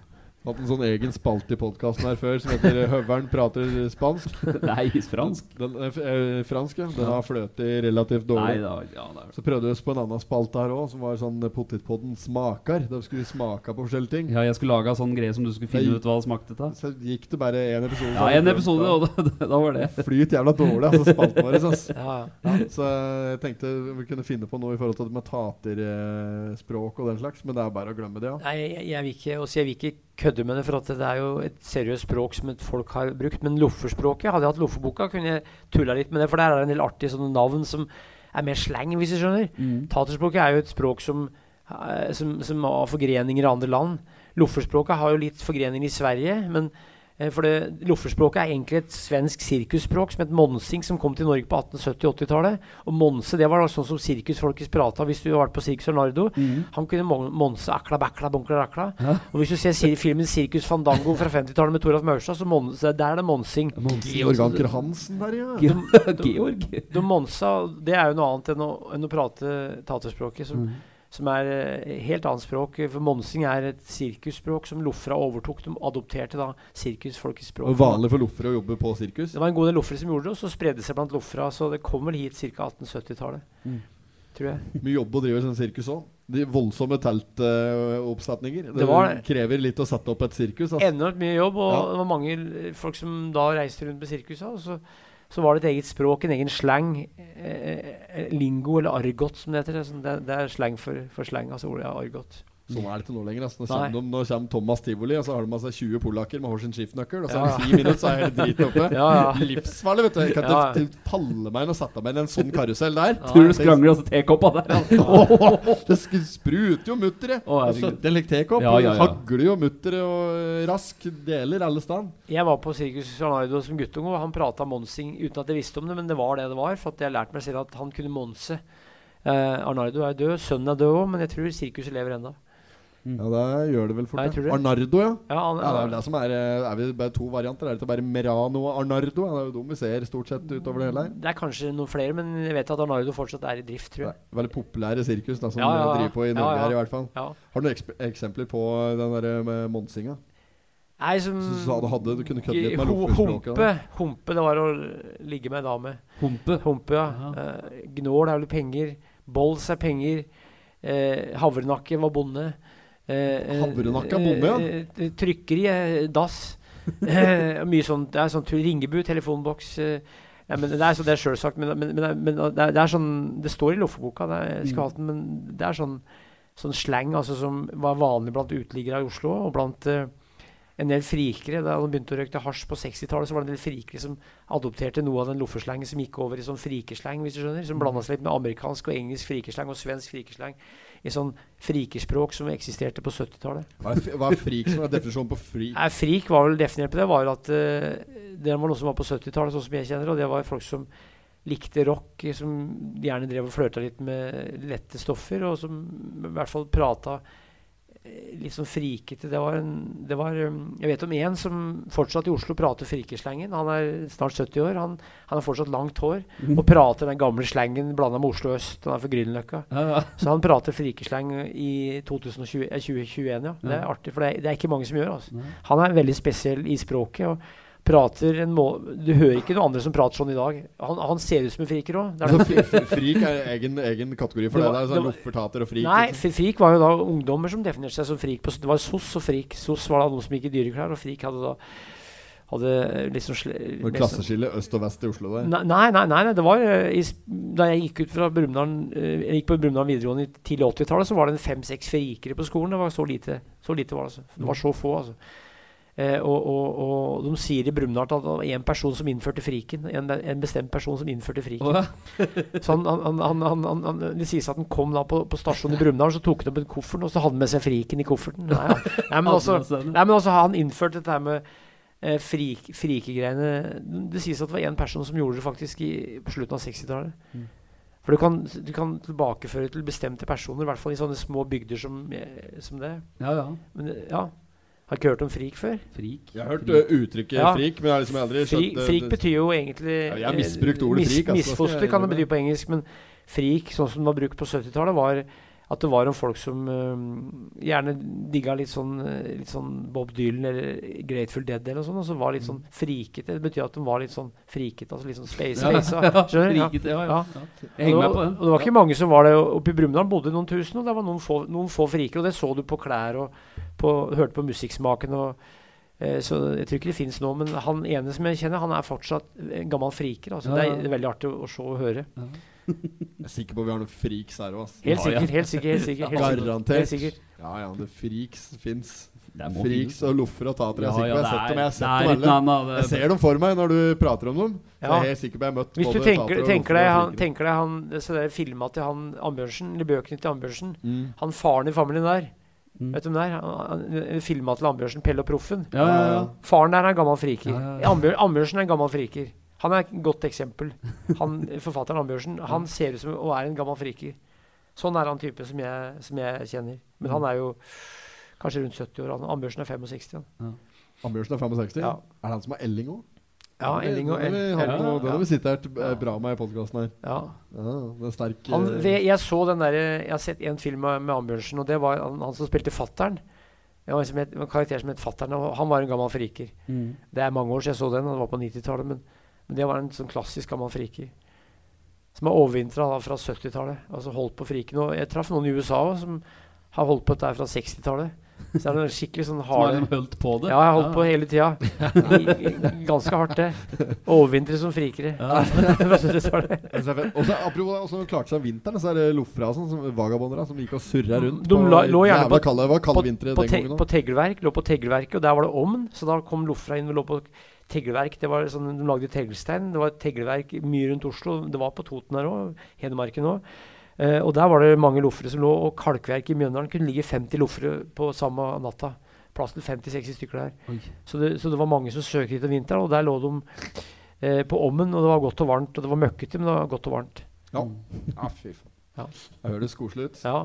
Som jeg hørte eh, rykter om at i i USA, når på den kaldeste netten der, så uteliggere samlet seg i biler, så lå de der og saug den. Kalte det, kalte det for suppekjøkken. Har ikke hørt om. Har ikke hørt om. For å holde varmen, da. Det var, Har ikke hørt om. nei, det var kanskje litt Ja, jeg vet at jeg var borti, var borti London første gang da vi, I 1983 var jeg i London første gang. og Da bodde vi på et hotell, jeg og brødren min. også da var det en uteligger som, som var utafor hotellet, men han satt eh, på gata. Og der satt han på sånn der, Det var sånn rist vet du, hvor det kom opp varm luft. Mm. Ja, Der satt han nede, der bodde han. Så han lå på sånn varmerist. Kom opp varm luft. Fra Okkupert, okkupert sånn der, der bodde han hele tida. Yes, Så, så, så han bodde på så, er sånn, Hvis du kom opp for varm luft han, Jeg lurer på om det var et eller annet sånn derre system hvor, Men der satt han og røkte, og, og han bodde der. Da, liksom. Fikk varmen. det, var, Ja, ja. det var Under, undervarme. undervarme. Undervarme, undervarme, Aldri gulvkaldt og hele tatt. nei, nei, nei. Ja, per perfekt, det. Ja. Altså, bodde på Tegleverk, sov på sånne Der det varme fra fabrikken. Da, fra Mange som gjorde det. Og så Ja. tok de også Hvis de hadde lus og lopper, så tok de også hang opp klærne sine, for da fikk de drept det. For at det var et sånt system hvor de pleide å drepe eh, Eller så stekte få stekt disse loppen og lusa, sånn at de forsvant. Mm. Mange hadde lopper og lus. Men ja. jeg, jeg prata med folk som arbeidet på tegleverk, og det kunne ligge ganske mye loffere der. Og det varte jo fram til 70-tallet, faktisk. Ja. Fram til 70 som, som jeg vet om. Altså. 1970-tallet. Ja, Omtrent da vi ikke hadde åpen kloakk lenger, typ. Så, Ja, ja, ja. ja. Så var loffere fram til åpen kloakk. Nei, loffere fins det ennå, men, men eh, Bjarne Madsen døde jo i 75. Og, Var det han som var herfra? Som var ja, fra fra Raufoss, ja. Ja. Ikke mange som loffa etter 1975, men hvis det var 10 000 loffere sommeren 35, var det kanskje 2000 i 46, 1000 i 60, 100 i 1970 og nesten i 1980. For det forsvant, eller de, de døde ut og ble påkjørt, og noen ja, strøk. Ja, ja. Så det var hardt å være loffer. Ja, Det var hardt å være loffer. Ja. Men var de, eh, var de, var de eh, tatt imot i samfunnet, liksom? Var det, eh, Mange loffere var det godt likt, og mange tok seg av loffere. Mange loffere gjorde arbeid, mange var flinke til arbeid, mange solgte ting. Så det var folk som var eh, eh, Mange som hadde bra ord på seg. Fordi det var ikke alle loffere som var alkiser. Og mange var flinke til arbeid, men de ville da gå rundt og være fri menn, som det het. Så de hadde sitt liv. og hvis du går til 30-tallet, så var det et stort miljø. Vet du. Det, var, det var et nettverk vil lette i dag, hvor det var masse folk som levde sånn. Og da var du kanskje ikke så mye alene heller. Da. Hvis du ville være alene, så kunne du ta sånne streifturer alene, men da var det et miljø. altså. Og, og da, da var det noe som heter lasaronleire. Det var da plasser hvor de overnatta. Hvor lokale lasaroner Lassiser, altså det var folk som drakk. Lasaroner. Og i Brumunddal så var det noe som de kalte Gessalparken. Gessalparken? Ja, der lå, lå Lofra. Eh, og der var det lokale eh, folk som var og drakk eh, brennevin og øl. Og der var det en kar som het uh, Ishavets sønn, en elleveårig harding, Ja. som, eh, som ikke var loffer. Han var jernbinder, het Harald. Og han uh, satt og drakk da i Gessalparken, og, og han hadde et stormfritt ekteskap med Mina i kjerringa. Og så døde kjerringa, og så ble det skandale i bygda, for han, han kom ikke i begravelsen til kjerringa. Jævlig spesielt.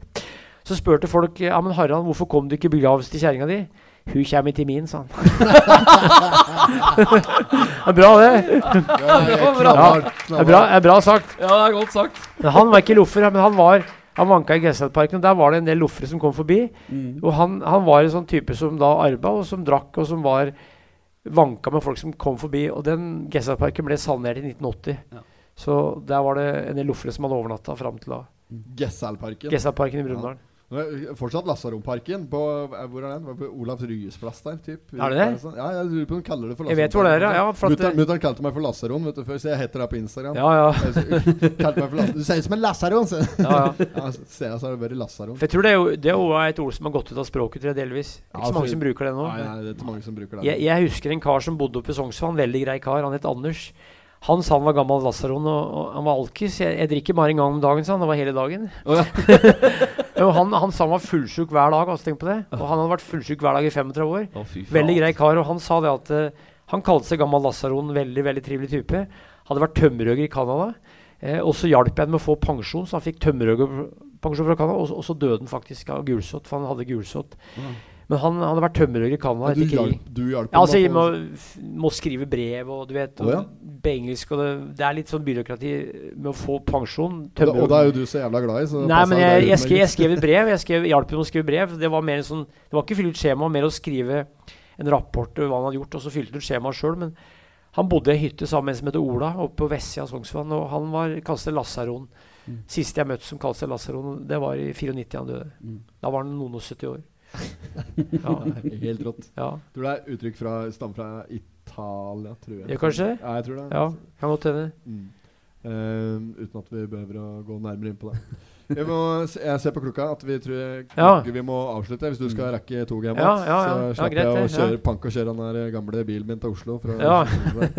Men eh, eh, må si tusen takk for at du kom, og for at du delte masse matta bra historier og um, prate om bøkene dine. Stor applaus til Tor Gotaas. Ja. Så. Og eh, så, um, Syns du skal gi høveren en applaus òg, for at han har aldri sluppet til så lite som han har gjort i dag. Og så får vi gi en applaus til Timo Nei, nå, da, som bare nei. Jo, jo, jo, jo, du òg. Takk for i dag, folkens. Takk for i dag. Dere som hører på, ha en riktig god helg. Hørs, hei. I did not have sexual relations with till morsan i Linköping. Kom igen nu Britt-Marie, kör för fan! Pottit-podden. I'm going to tell you everything.